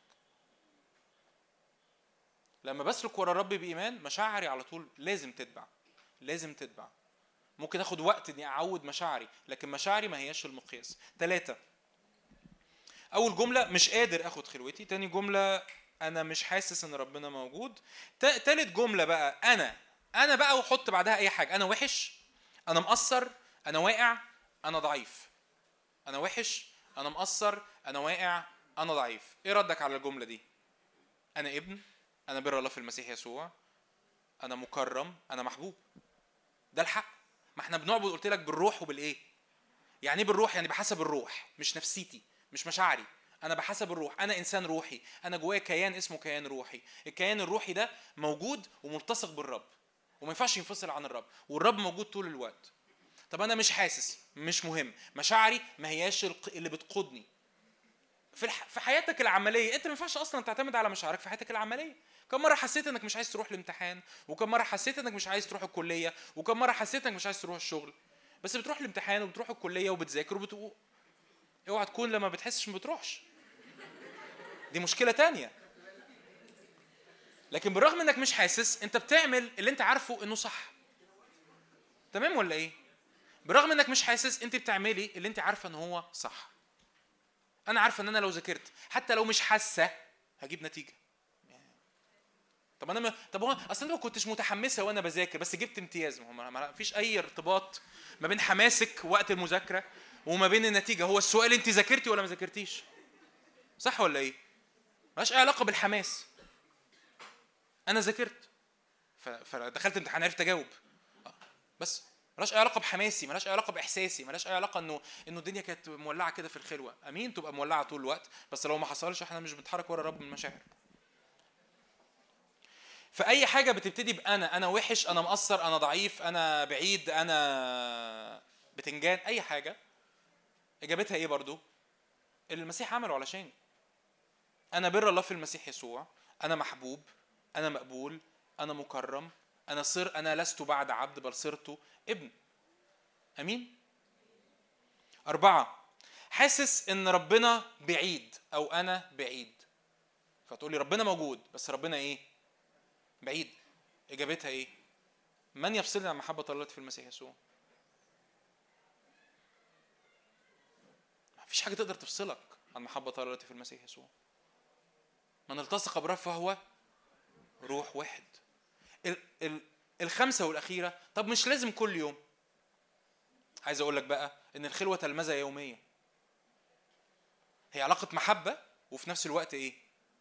تلمذة يوميه لأن أنا لو سبت المحبة وسبت التلمذة علاقة المحبة هتفطر. هتبرد. أي اتنين بيحبوا بعض يقول لك البعيد عن العين بعيد عن الإيه؟ زوج مسافر وكان في علاقة علاقة محبة وأشواق بينه وبين مراته لمدة عشرات السنين قبل ما يتجوزوا وبعد كده ساكن مهاجر مثلا بيشتغل بره مصر. خلاص. بعد فترة اديله اديله شهر اديله شهرين اديله سنة بعد فترة العلاقة دي هيحصل فيها إيه؟ هتفطر. الله طب ما كانوا بيموتوا في بعض. آه بيموتوا في بعض بس خلاص العلاقة دي بقت فترة. ليه فترة؟ لأن إحنا ما بنشوفش بعض. فخمس حاجات الخمس حاجات دول قبل ما تاخد خلوتك تفتكرهم. إيه أفتكر إيه؟ إن أول حاجة إن علاقة الخلوة دي أصلا في الأساس محبة. اتنين إن الرب حاضر وموجود. أنا مش بسلك بالمشاعر أنا بسلك بالإيمان. ثلاثة إن أنا أنا إيه بقى؟ مش أي حاجة تانية غير اللي الرب يقوله عني. الرب يقول عني إن أنا بر إن أنا بار إن أنا محبوب إن أنا مكرم إلى آخره. أربعة إن مفيش حاجة تقدر تفصلني عن محبة ربنا. مفيش حاجة تقدر تفصلني عن محبة ربنا. أز... أوحش الظروف اللي بعدي بيها ما تفصلنيش عن محبة ربنا. خمسة وأخيرا إن بالرغم إن هي علاقة محبة لكن المحبة محتاجة تلمذة. المحبة محتاجة ترتيب. أمين؟ أمين؟ طيب أعمل إيه بقى؟ يعني أنت قلت لي إيه؟ خلوة أهو. وأنا هروح النهارده أو بكرة الصبح هاخد خلوتي. أول حاجتين لازم تاخد بالك منهم الزمان والمكان. مبدئيا. محتاج الزمان محتاج الوقت. محتاج ترتب وقت في يومك يكون الوقت ده هادي وأنت فيه هادي. يعني ما تقوليش أنا هاخد خلوتي مثلا يعني الواحد زي حالاتي مثلا والعيال بيرجعوا المدرسة الساعة 3 فأنا هاخد خلوتي الساعة 3 وربع. مستحيل. مستحيل. أنا لازم أرتب وقت في يومي. كل واحد بقى عارف. يومه عامل إزاي. مش بس يومك أنت عارف اللي يقولك بقى ده ده شخص بي بيركز الصبح أو شخص بيركز بالليل. كل واحد فينا عارف مفيش قانون إنه لازم يعني مع إني أفضل إنه تاخدها الصبح بس يعني مش بلاش القانون ده. بس على الأقل كل واحد ياخدها في الوقت اللي هو فيه مركز أكتر حاجة. معايا ولا إيه؟ أكتر وقت أنت مركز فيه. أكتر وقت أنت عارف إن الوقت ده الدنيا بتبقى هادية. في البيت كل واحد عارف ظروف بيته. يمكن تبقى أنت وأخوك مثلا نايمين في أوضة واحدة ولا أنت وأختك نايمين في أوضة واحدة. طب طب إمتى مثلا أخويا بينزل الكلية ولا بينزل الشغل ولا مش عارف إيه فأنا الأوضة ينفع إن أنا أقفل على نفسي الباب. وأقعد في مكان هادي الوقت هادي مفيش دوشة حواليا مفيش انزعاج. أنا نفسي مش مدهوش. ما هي المشكلة مشكلة خلوه بالليل إيه؟ إن أنا ببقى محمل بكم أحمال مش طبيعية. أنا عايز أنا تاني هقول أنا م... لو أنت بتاخد خلوتك بالليل والخلوة ماشية أمين. ما تعم- ما تعملش حاجة. يعني لو الدنيا كويسة معاك أمين. بس أنا ده رأيي إن أنت بتبقى بالليل بتبقى متحمل بكم أحمال مش طبيعية. أنا عايز يبقى ذهني أول فكرة تيجي فيه قدام ربنا هو كلمة ربنا. مش المشاكل اللي كانت حاصلة في اليوم. أوكي؟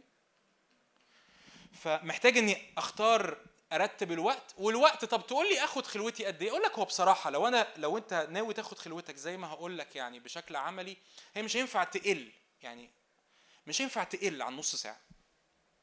يعني خلوة 10 دقائق دي يعني يعني دي مش خلوة يعني ده- سندوتش طعمية يعني يعني أنت محتاج تهدى أصلا أنت محتاج أنت محتاج نفسيتك تهدى ومحتاج ذهنك يسكت. فما اعتقدش انه هينفع بأي حال من الأحوال أقل من نص ساعة. فأنت محتاج تخصص وقت. الوقت ده هترتبه. الوقت ده تثبته. الوقت ده تعمل فيه إيه؟ عشان تلتزم. هتعمل فيه إيه؟ تثبته. الوقت ده هتحسبه في يومك إن أنا هفضي في جدولي هفضي في يومي هصحى نص ساعة بدري. معنى كده إني هتقول لي بس أنا بسهر. أقول لك ما أنت معنى كده إنك هتحتاج تنام نص ساعة بدري. لو أنت هتشفت صحيانك علشان تصحى نص ساعة بدري فأنت محتاج ترتب نومك إنك هت- هتنام نص ساعة بدري علشان تعرف تلتزم باللي أنت ناوي تلتزم بيه. أنت مش تلتزم بيه قدام حد تلتزم بيه قدام نفسك وقدام الرب يعني. فأنا محتاج يعني ما ما بلا- بلاش ألعاب يعني أنا جاي لك من المستقبل وبقول لك الألعاب دي أنا لعبتها كتير. اللي هي إيه بقى؟ اللي هي أنا بنام الساعة 4 الفجر وبكرة الصبح هصحى الساعة 6 الصبح أصلي. يعني قابلني يعني يعني لو صحيت ابقى صحيني يعني. ما ما هي ما بتمشيش كده. ما إحنا بني آدمين في الآخر وأجسادنا ليه طاقة وليه ساعة وينفع تمرنه ينفع تمرنه مع الوقت. بس انت لسه بتبتدي. فمش منطقي إنك تبقى نايم ساعتين وتقول بكرة الصبح هصحى الساعة 8 الصبح وأنت أصلا كل يوم تصحى 12 الظهر. فما تقولش 8 الصبح بس لو أنت بتصحى 12 الظهر خليها 11 وبعد كده خليها 10 وبعد كده خليها 9 وهكذا. تمام؟ فمحتاج وقت يبقى فيه الوقت هادي والمكان أكيد مكان أنت محتاج تبقى فيه لوحدك مع الرب.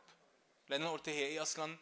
هي خلوة أنت بتختلي أنت بتقعد قاعدة منفردة مع الرب. طيب الترتيب العملي. طبعا الترتيب ده ده ما هواش برضو قانون يعني ما هواش إيه هتقول لي اصل أنا بقرأ الكتاب المقدس يعني أنا أنا هديك مثل عملي.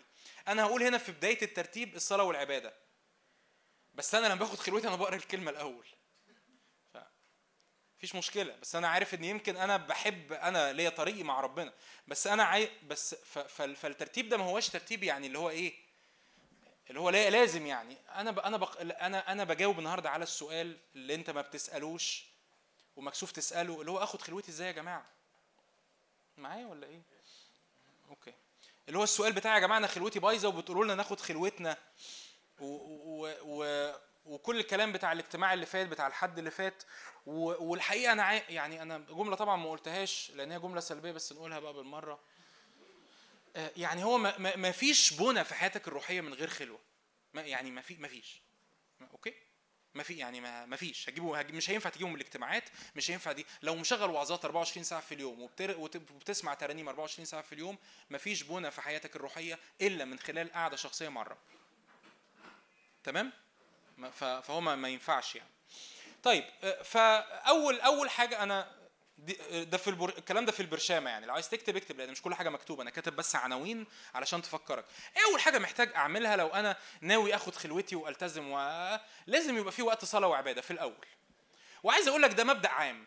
تعمله في الاجتماعات وبره الاجتماعات. يقول كده الكتاب ادخلوا أبوابه بإيه؟ بحمد دياره بالإيه؟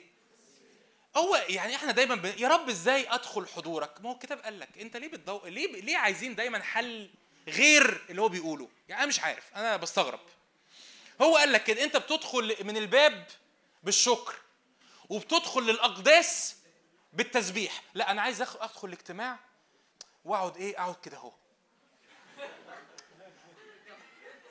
ليه؟ أنا نفسي سوري ليه؟ نفسي أعرف ليه؟ يعني يعني ليه؟ يعني نفسي أعرف ليه جبناها منين؟ يعني جبناها منين القعدة في الاجتماعات كده؟ هو دي. أنا مش عارف جبناها منين. مين اللي مين اللي أفتى بيها في يوم من الأيام؟ أنا مش عارف. ربنا يسامحه. ربنا يسامحه. لا أنا هدخل خلوتي وأشغل مزيكا وأعمل كده. أمين أمين. اعملها. يعني شغل soaking music وأقعد في العبادة. بس أنت الأول محتاج تدخل من الأبواب ثم إلى الديار. وبعدين هتعرف ساعتها تعمل السوكينج وتقعد في حضور ربنا وتتلذذ. صدقني. بس الأول أنت محتاج تدخل لجوه. الكتاب قال لك كده أبوابه بتدخل ما انت ما أنت داخل قدام الملك فلازم إيدك هدية يعني. أبوابه بتدخل بالإيه؟ بالشكر بالحمد. وجو وتدخل قدس الأقداس إلى الديار بالتسبيح. فما ندورش على حلول وسط يعني يعني- يعني الكتاب قال لك الوصفة. فببساطة لازم تبتدي بوقت صلاة وعبادة. عايز تقسمه بقى تقسمه صلاة بألسنة. لو أنت بتصلي بألسنة لو أنت يعني مش عارف يعني إيه صلاة بألسنة ارجع وعظه في اجتماعات يوم الشباب اسمها قوة الألسنة أو قوة الصلاه بألسنة ارجع اسمعها. تصلي بألسنة. تقضي وقت شكر تشكر الرب تقول له يا رب أشكرك لأنك أمين لأنك صالح أشكرك لاجل كل أي حاجة أنت عم أشكرك لأني لسه عايش أشكرك لأنك تعطي آخرة ورجاء. تسبيح. هتقولي التسبيح يعني إيه؟ أقول لك لو أنت بتحب ترنم رنم. أنت صالح للكل ولا من يفصلني عنك ولا أنا بحبك يا رب ولا أي حاجة. لو يعني حاسس إن أنت صوتك يعني مش حلو قوي افتح مزمور واقراه. مزمور 145 مزمور 23 مزمور 34 أي مزمور افتحه واقراه. ده تسبيح. وقدمه وأنت بتقول له يا رب أنت مركز عينك عليه أنت مركز كل كيانك على الرب وبتقول له يا رب أنت عظيم أنت رائع أنت صالح أنت مجيد. مفيش أحلى منك. ليه؟ لأن أنت لما بتعمل كده أنا شرحت يمكن الحتة دي في المؤتمر أنت لما بتعمل كده ببساطة الهدف بتاع القصة كلها إنك تخرج من حصارك.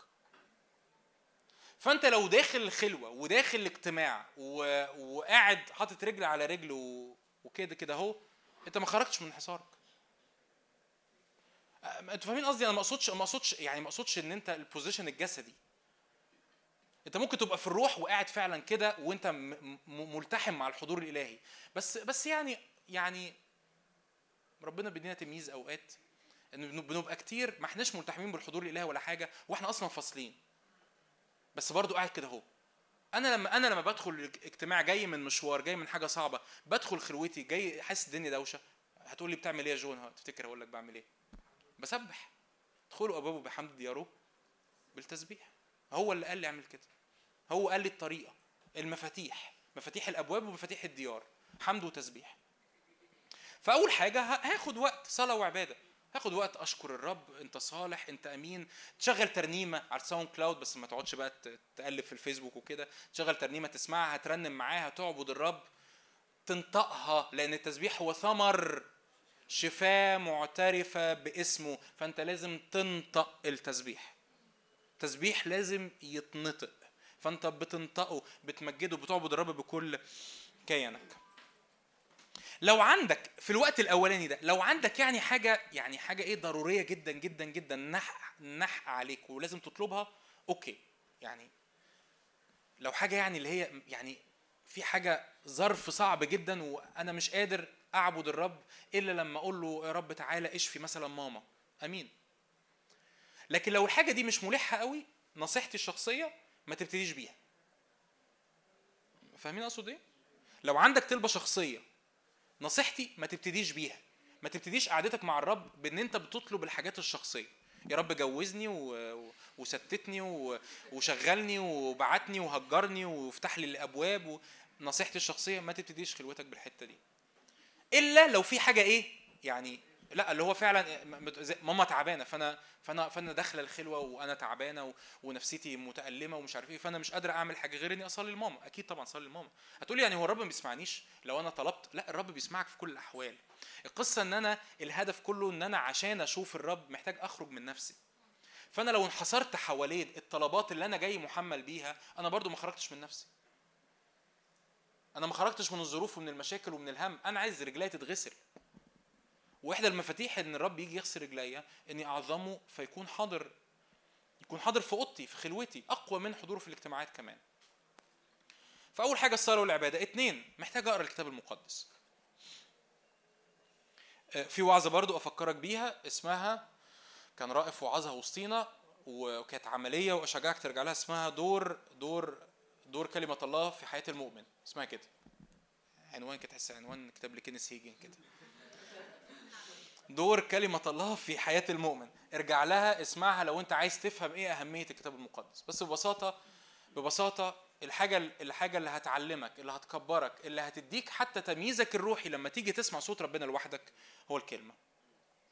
كل الكتاب هو موحى به من الله نافع للتعليم للتعليم والتوبيخ والتأديب والتقويم الذي في البر علشان انت تكون إنسان الله كامل. إيه اللي يجعلك كامل؟ كلمة الله. عايز أقول لك أول حاجة كده وأنت بتفتح الكتاب المقدس افتكر قبل ما قبل ما هقول لك حاجات عملية قوي في الكتاب وأنت بتقرأ الكتاب بس افتكر أول حاجة إن كلمة الله هي روح وحياة. أنا يعني في ناس سمعوا مني التعبير ده قبل كده أنا أنا شخصيا بتعامل بقالي فترة طويلة بتعامل مع الكتاب المقدس إزاي؟ أنا بتعامل مع الكتاب المقدس معاملة القعدة على البحر. أنا بحس قدام الكلمة إن أنا قاعد قدام منظر جمالي رائع مبهج مريح للأعصاب؟ ما يفرقش معايا قوي؟ لا الجملة دي يفرق طبعا يفرق معايا إيه اللي الرب بيقول أو ربنا عايز يعلمني إيه بس مش هو ده اللي أنا مركز عليه. أنا مدرك إن الكلمة لوحدها فيها impartation impartation يعني فيها انتقال مسحة. أنا إيماني كده إن الكلمة لوحدها بتنقل لي حاجة. حتى لو قلت لي طب إيه الآية اللي ربنا كلمك فيها؟ يمكن يكون مفيش حاجة معينة highlighted لكن أنا مجرد قعدتي قدام الكلمة بتغسلني. بتشفيني بتقويني بتشجعني بتملاني بالنور. أ- أكثر من كل معلمية تعقلت لأني أحببت شريعتك. أكثر من كل أعدائي تفطنت. اقرأ بقى مزمور 119 فالكلمة اتعامل معاها بإدراك إن هي روح وحياة. هي إيه؟ روح وإيه؟ وحياة. كلمة الرب روح وحياة. في الروح القدس بيملاك لما بتقرا الكلمة. طيب أعمل إيه وأنا بقرأ الكتاب المقدس؟ تقول لي أنا بتوه. وأنا بقرأ الكتاب المقدس أنا بتوه. أوكي. في ست أسئلة دايما نفتكرهم وأنت بتقرأ الكتاب المقدس. مين؟ فين؟ إمتى؟ إيه اللي بيحصل؟ ليه؟ وإزاي؟ ست أسئلة. ست أسئلة. تحس إن أنت لو حسيت أنت بتقرأ كلام جرايد وهو هو هو صمويل راح فين؟ ولا داوود جه منين؟ ولا يسوع سافر ليه؟ ولا مين مجنون كرة الجدرين ده؟ وقف نفسك وهيبقى معاك البرشامة دي. ليه بقى؟ لأن أنا محتاج أتعلم إزاي أفكر. إحنا معلش ما sorry سامحوني في الجملة اللي أنا هقولها دي. التعليم المصري مش بيعلمنا إزاي نفكر. فأنا محتاج أعمل حاجة اسمها critical thinking أنا محتاج أعمل حاجة اسمها تفكير في اللي أنا بقراه. محتاج أعود نفسي إني أفكر. وإحنا ما اتعودناش إن إحنا نفكر. اتعودنا إن إحنا نقرأ حاجات كده طايرة. طب أنا عايز أعود نفسي إن أنا أفكر. فهعمل إيه؟ قعدت انت على فكرة ممكن تقرأ أي إصحاح مثلا في في دقيقتين ثلاثة بالكتير. فقريت الإصحاح في دقيقتين ثلاثة بعد ما قريت الإصحاح اسأل نفسك كده هو أنا فاكر إيه من الإصحاح؟ في الغالب يعني لو أنت لسه بتبتدي مع ربنا مفيش أي مشكلة ممكن تكون مش فاكر حاجة. فارجع اقرأ حط الست أسئلة دول قدامك وارجع اسأل نفسك تاني. ماذا؟ هو إيه اللي كان بيحصل؟ يعني هو إيه الموضوع؟ طب إيه السؤال التاني؟ أين؟ هم كانوا فين؟ السؤال الثالث متى؟ إمتى؟ بالليل الصبح كان في العيد يقول لك كده كان في عيد التجديد. إيه عيد التجديد ده؟ عيد الفصح. إيه عيد الفصح؟ وقت أهو موسم. إيه اللي كان بيحصل؟ أربعة من؟ مين؟ طب مين اللي في القصة؟ يسوع والتلاميذ. طب يسوع وبطرس طب يطلع بقى أسئلة. طب اشمعنى يسوع أخد بطرس ويعقوب ويوحنا مثلا أسئلة بقى تطلع. فابتدي أسأل. تقول لي هو هو اللي بيوعظوا دول وعندهم أفكار من الكلمة بيعملوا إيه؟ بيفك... مبدئيا بيفكروا في اللي بيقروه. مبدئيا يعني. فتسأل بقى مين اللي كان في القصة؟ وأخيرا لماذا؟ طب ليه؟ إشمعنى؟ بطرس ويعقوب ويوحنا. طب كيف؟ طب هو إزاي يسوع قوم ابن تيروس؟ إزاي يسوع شفى الأعمى؟ إزاي بولس راح نفض الحية ووقعت في النار؟ أسأل إزاي؟ ف... فالأسئلة دي تبقى أسئلة جوايا أفكر فيها وأتأمل فيها وأسئلة مع الرب فأحس إن في بروجرس الرب بيجاوب لما بنسأله. الرب بيجاوبنا لما بنسأله لما بنسأله في كلمته لما بنقول له يا رب افتح عيني لكي أبصر عجائب من شريعتك. أمين؟ الكتاب بيقول كده اسألني فأخبرك بعجائب وعوائص لم تعرفها. دي آية على فكرة. اسألني فأخبرك بعجائب وعوائص لم تعرفها. إحنا ليه ما بنسألش؟ لأن أنا ما بفكرش.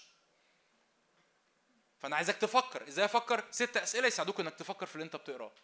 أوكي؟ لسه تحت الكلمة.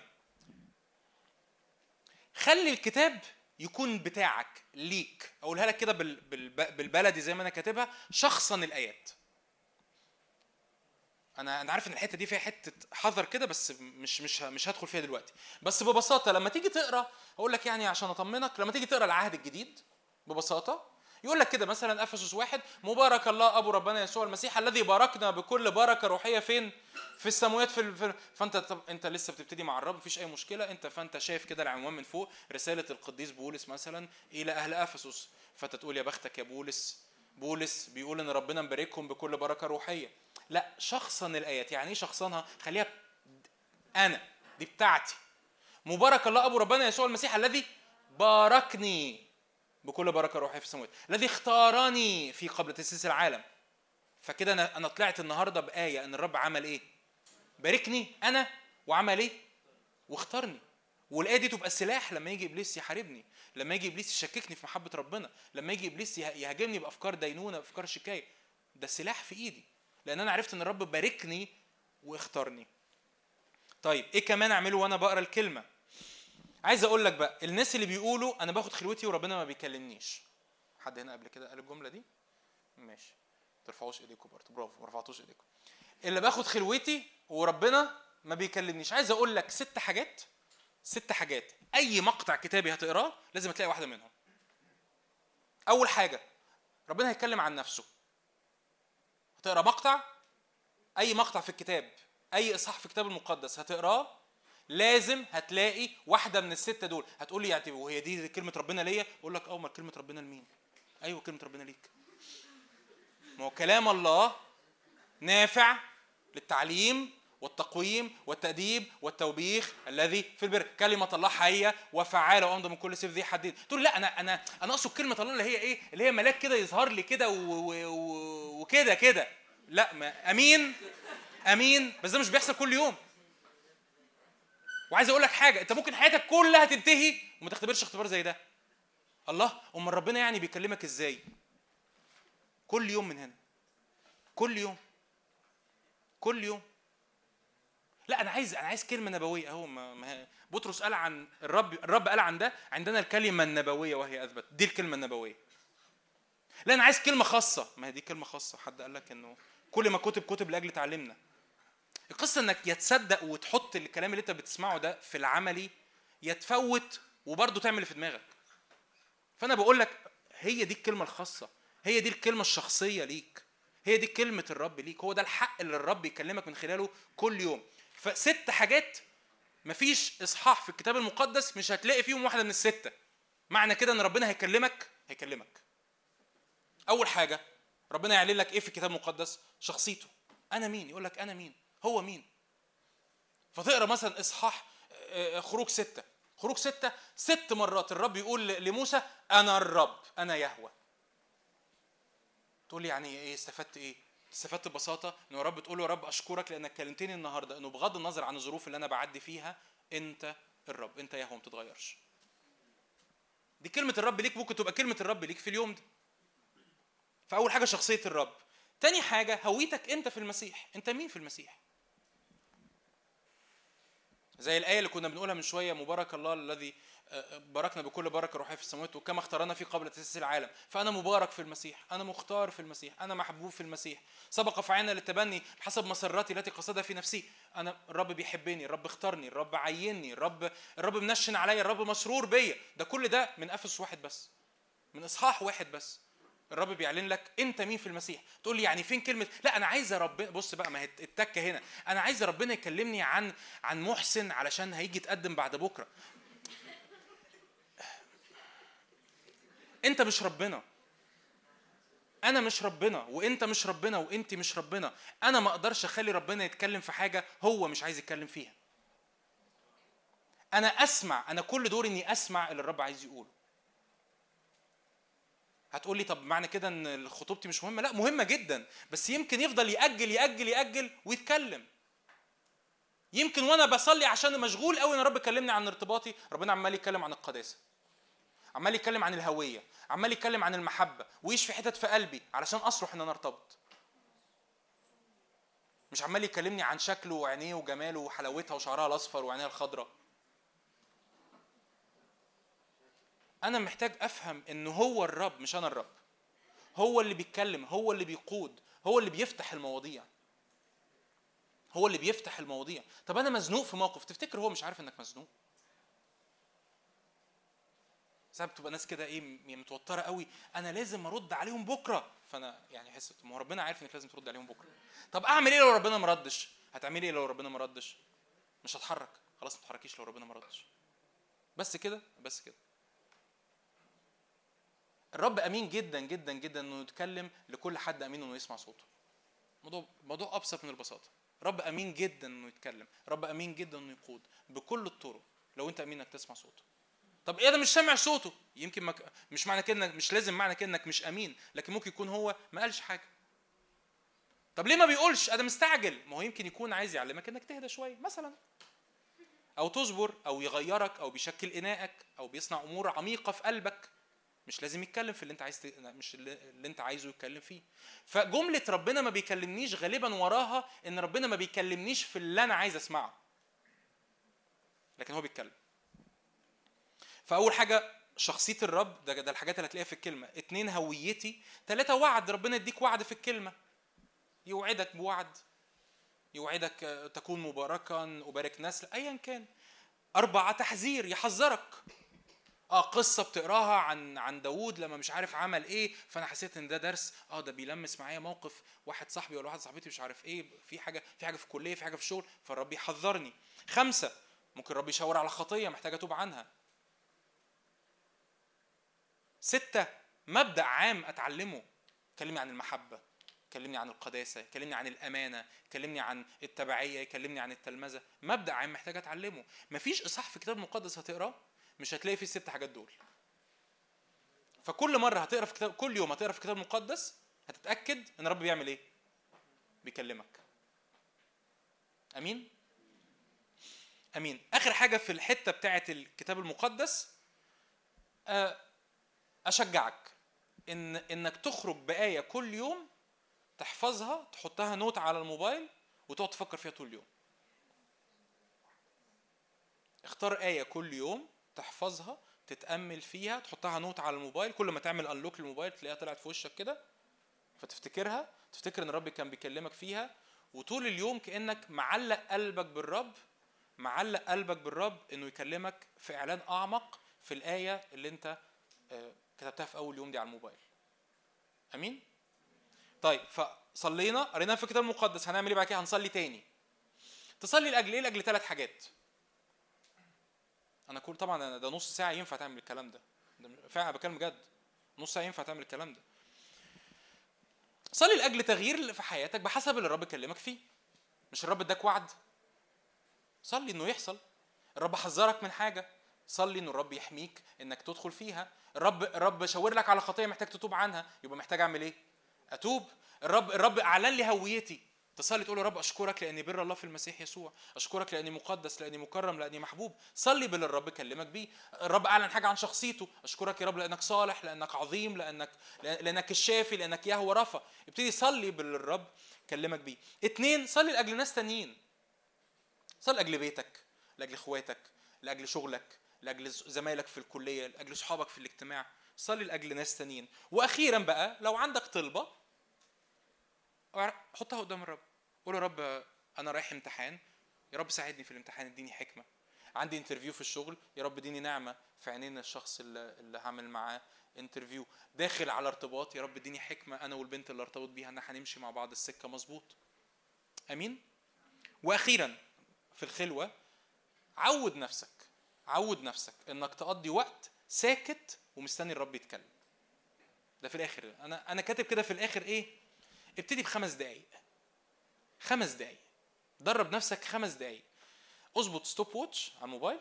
بكلم بجد stopwatch على الموبايل على خمس دقايق. وقرر كده إن الخمس دقايق دول يا رب أنا الخمس دقايق دول أنا هسكت. وإنت لو عايز تقول لي أي حاجة كلمني. هيقول لي هتقول لي اتكلم إزاي؟ أقول لك دي ممكن نعملها في وعظة تانية. بس أبسط أبسط ال- الأمور مجرد أفكار فيها سلام هتبقى في ذهنك. انطباعات في قلبك يفكرك بآية تشوف مشهد في خيالك كل دي طرق الرب يتكلم بيها. لكن اختم خلوتك بخمس دقايق تقول يا رب أنا الخمس دقايق دول سايبهم عشان أنت تتكلم. لو أي حاجة أنت عايز تقودني فيها أي حاجة عايز تهايلايت فيها. آمين؟ الوعظه خلصت. هللويا. هللويا. هللويا. هنعمل حاجة بقى مع بعض الوقت الجاي. إيه بقى الحاجة اللي هنعملها مع بعض الوقت الجاي؟ في البرشامه اللذيذة دي شعرنا كده ان إحنا إيه عايزين نعمل مع بعض إيه تحدي الخلوة. مفيش أي حد اتحمس ولا أي حد. حماس أحسن حاجة الحماس التلقائي ده اللي هو اللي هو spontaneous ده اللي- آه رد رد فعل تلقائي يعني آه آه يعني رد فعل صدمني يعني اتفاجئت اتفاجئت من حماسكم يعني.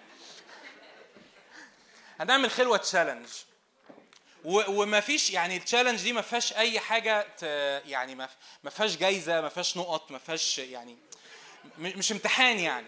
أنا بس عايز يعني مش مش امتحان يعني اللي هو اللي هو هي هيجيب 10 من 10 هي هيكسب وفي مركز أو مش كده. لكن هدفها إيه؟ هدفها آه ميشو ميشو بيقول إن هو هيوزع موتوسيكلات غالبا. ترابيزات بلياردو وبينج آه ميشو هو على مي يعني بس اللي هي الموتوسيكلات اللي بتتباع في الإشارة دي. هنعمل إيه؟ هن... ه... ببساطة إحنا هنمشي مع بعض. أي أي أي عادة عايز تكونها محتاج إنك تعملها تمارسها لمدة 40 يوم. فإحنا هن... هنعمل إيه؟ هن... هنعمل group على الواتساب. اللي عايز ي... تاني تاني حماس تاني مش معقول. اللي عايز يدخل على ال group أو اللي عايز يشترك في ال- في في التحدي ده التحدي ده يعني إحنا مش بنتحدى حد إحنا بنتحدى بعضينا ونفسينا وبنشجع بعض يعني إن إحنا نلتزم مع بعض في خلوتنا لمدة 40 يوم. زي ما قلت مفيش حد هيقول لك خدت خلوتك ولا لأ مفيش حد هيقول لك هات الورقة صححها لك يعني مفيش أي حاجة من النوع ده. مفيش حد هيقول لك يا مين يا جماعة اللي خد خلوته ل 40 يوم يرفع إيده عشان ياخد جاي مفيش أي حاجة كده. هو ببساطة إحنا مجرد بس إن إحنا في الجروب ده بنشجع بعض كل يوم إن إحنا ناخد خلوتنا نشارك مع بعض على الخلوة. هقول لك بالظبط هنعمل إيه. هنقرأ مع بعض هنبتدي هم 40 يوم من بكرة اللي هو 28 فبراير لحد 8 أبريل. هنقرأ مع بعض من ال 40 يوم دول حاجات بسيطة جدا إنجيل مرقس وسفر أعمال الرسل. تقر- تقريبا إصحاح واحد في اليوم ما عدا أيام قليلة قوي هتقرأ فيها إصحاحين. يعني هم أصلا إنجيل مرقس وأعمال الرسل على بعض 44 إصحاح. في 40 يوم فمعنى كده إن أنت في ثلاث أيام بس أو يومين بس هتقرأ فيهم إصحاحين. ف واللي هي اللي هي اخترناها هتبقى الإصحاحات القليلة الصغيرة. من بكرة هنبتدي مرقس واحد إلى 8 إبريل هنقرأ هنكون خلصنا مع بعض أعمال 28 group الواتساب أستأذنكم إحنا مش هيبقى admins يعني كل الناس هينفع تبعت فيه بس هيكون هو ال 40 يوم دول بس وبعد كده هنقفله. الهدف منه ما هوش بقى إيه تبعت لنا بقى ترانيم عارف بقى الناس. واستيكرات ماريو نشأت. مش هنعمل كده يعني علشان علشان ال- اللي داخل ال group لهدف ال- التحدي الخلوة ده يكون داخله وهو مطمن إن مش هيبقى فيه دوشة كتير وعشان ما نعملوش mute في الآخر ونكتشف إن إحنا مش بنستخدمه صح ولا إيه؟ ف... وطبعا أي حد بيسمع التسجيل ده بعد كده هو الكلام ده لاجتماع الشباب فقط عشان الاجتماع الشباب أنتوا أي حد بقى من الاجتماعات التانية عايز يعمل تحدي الخلوه يعني لوحديهم بقى ملناش دعوة. فالكلام ده للناس اللي حاضرين اجتماع الشباب بس أو أي حد ما جاش النهارده. ف... فهو إيه اللي مسموح إن إحنا نبعته يعني؟ إحنا كلنا هنقرأ مثلا بكرة مرقس واحد. ففي آية فرقت معاك هتبعت لنا الآية.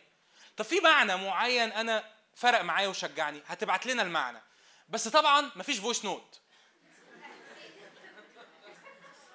مبدئيا. طب أشرح قد إيه المعنى اللي جوايا ده؟ جملتين بالكتير. علشان ليه ليه؟ ليه ليه بقى ليه؟ علشان نتشجع إن إحنا نتابع الحاجات اللي ربنا بيقولها لنا. ما أنا لما أفتح أكيد يعني كلنا بيحصل لنا كده لما أفتح الواتساب وألاقي voice note 10 دقايق وبعدها ثلاث ترانيم يعني صح؟ بيجي لي حموضة يعني. ما بقدر يعني هعمل إيه؟ يعني أسمع إيه ولا إيه يعني؟ آه أو أو أو إيه يا جماعة أو اللي هي برضو اللي هي الإيه منقول وال forward وال فبعد إذنكم علشان ما حدش يتصدم مثلا إنه اتعمل له block أو حاجة. الإيه؟ والوضع في أوكرانيا آه و... وطلبات صلاة يعني كل ده حلو صدقوني كل ده حلو بس مش مكانه. يعني مش مكانه. هدف ال group ده فقط إن إحنا كل يوم هنبعت عليه الإصحاح اللي هيتقري يوميها نتشجع مع بعض إن إحنا نقرأ خلوتنا ن... اللي اللي جواه آية آه أنا فارق معاه قوي الايه دي فهيبعتها. ياخدها copy paste كده يبعتها لنا. طب أنا فارق معايا معنى عايز أشرحه لكم يا جماعة؟ هتشرحوا لنا في جملتين. حد بقى عايز يستفيد بقى يخش معاه personal يخش معاه private بقى وخليه بقى يشرح لك ويوعظك و... وكل. وكل الحاجات دي. أمين؟ أمين. فاللي عايز يشترك في في التحدي بتاع الخلوة ده 40 يوم هنمشيهم مع بعض هنمشي الرحلة مع بعض هنشجع بعض إن إحنا ناخد خلواتنا كل يوم. آه، البرشامه هتتوزع علينا كلنا اللي حابب اللي حابب يدخل الجروب يتحرك لأي حد من القادة بعد الاجتماع. أمين؟ تعالوا نقف مع بعض معانا ربع ساعة هنصلي فيهم تعالوا نقف مع بعض.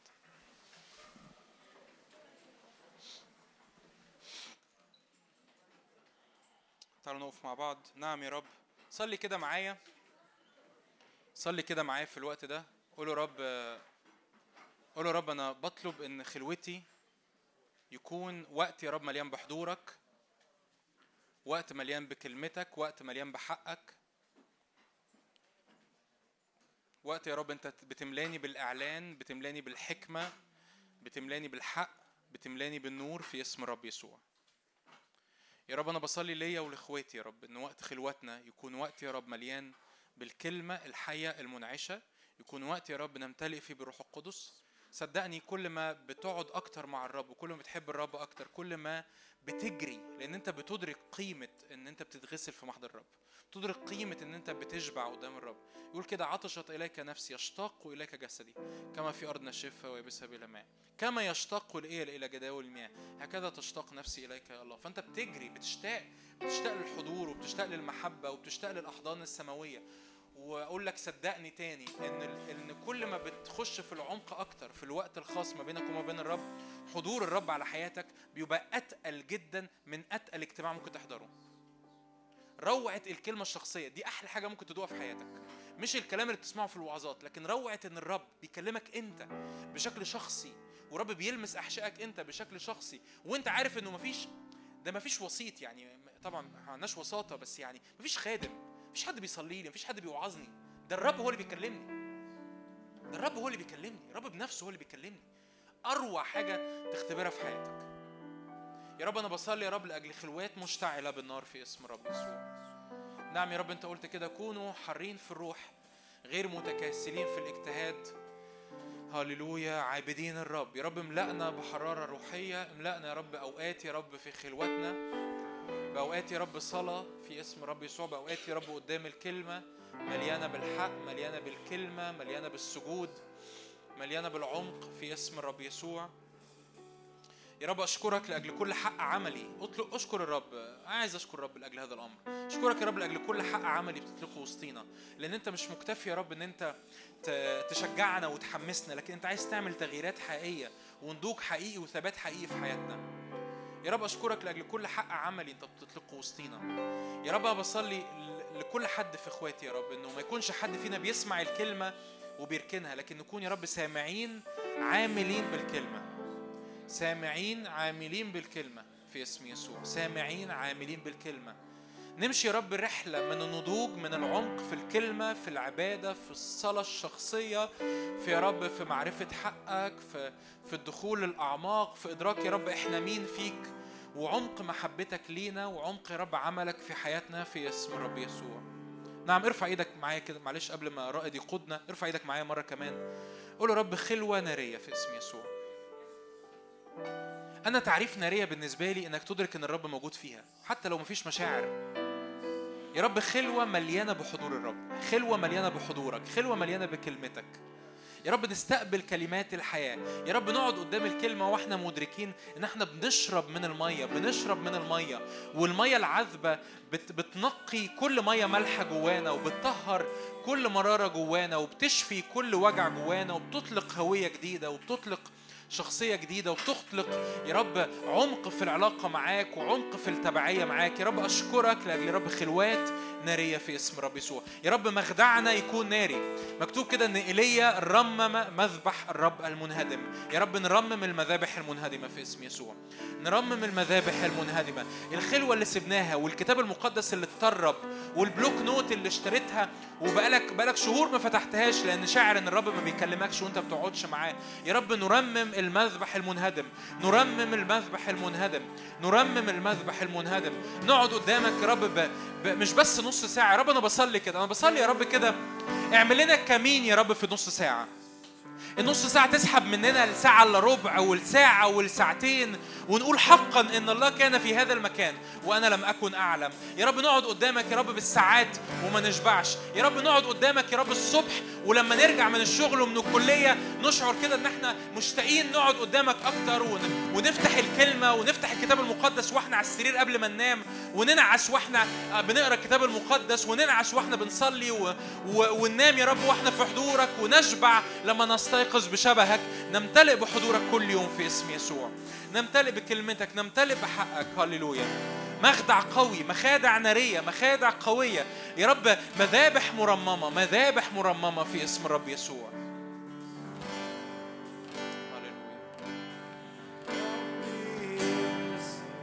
هللويا. مية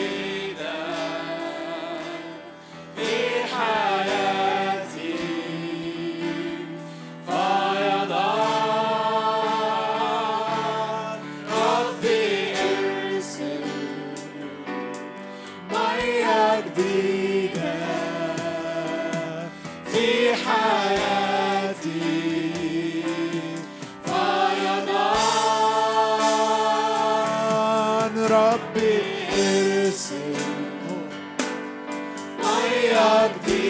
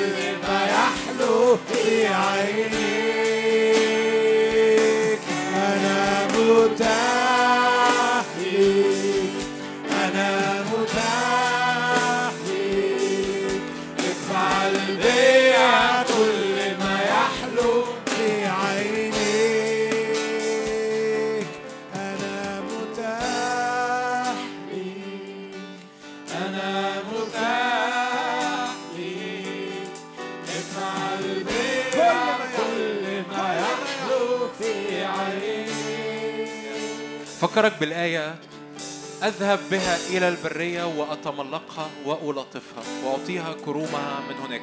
البرية على فكرة مش معناها صحراء.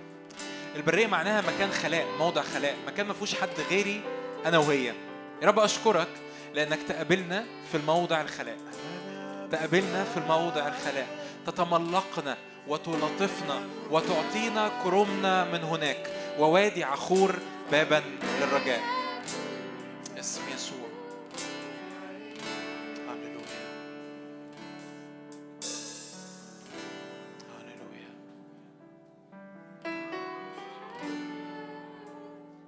صلي من الحاجات اللي اتعلمت اعملها.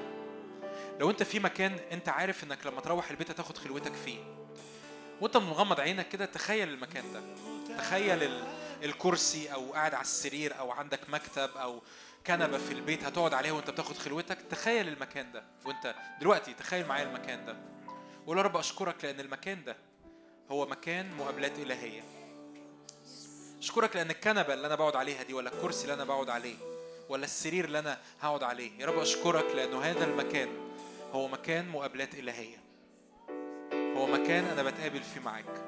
أنا بتنبأ يا رب على المكان ده. سما مفتوحة في اسم يسوع. أنا بتنبأ يا رب على أوضنا. على أوضنا. على رب بيوتنا السماوات مفتوحة لأن أنت فتحت لينا السماء لأن يسوع فينا رجاء المجد. يا رب بتنبأ يا رب سماوات مفتوحة بتنبأ يا رب أماكن خلوتنا الأماكن اللي بناخد فيها خلوتنا. يا رب أماكن لمقابلات إلهية في اسم رب يسوع. هي أماكن لمقابلات إلهية.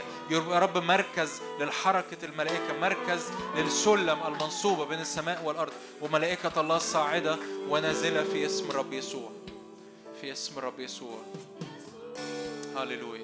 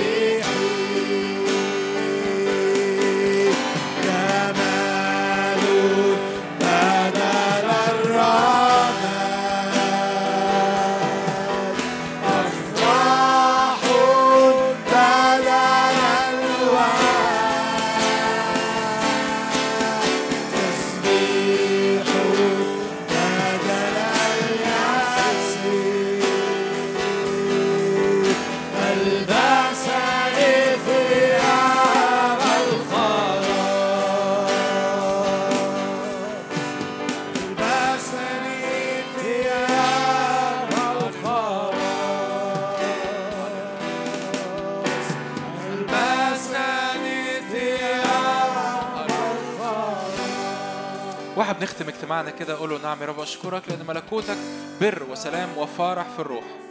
بر والسلام وفرح في الروح. يا رب أشكرك لأن أجواء يا رب البر والسلام والفرح يحوطونا من كل جهة. أجواء ملكوتك يحوطونا من كل جهة. أجواء سلامك وفرحك يحوطونا من كل جهة. في اسم رب يسوع. اسم رب يسوع. رب أشكرك لكل أمر صنعته وكل أمر سكبته. بنباركك بنباركك. لأنك مستحق. في اسم رب يسوع.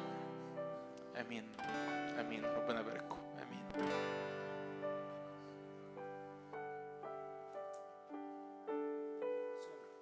شباب عايز اطلب منكم طلب للي لسه مش عارف إحنا الاجتماع كل يوم حد أوكي؟ الاجتماع ده اجتماع ثابت اجتماعنا كل يوم حد. أنا كتير بيبعت لي السؤال ده على الصفحة بتاعت الخدمة بتاعت Flames of Fire إذا كان في اجتماع ولا ما فيش اجتماع آه وكأن الموضوع مرتبط ب post هينزل يأكد إن في الاجتماع. فأنا عايز أقول لكم بغض النظر في post ما فيش post آه، إحنا الاجتماع ثابت إحنا الاجتماع قائم الاجتماع موجود كل يوم حد. عكس كده بس هنكون بنعلن وهنكون بنقول لكم. أمين. بلس يو ربنا يبارككم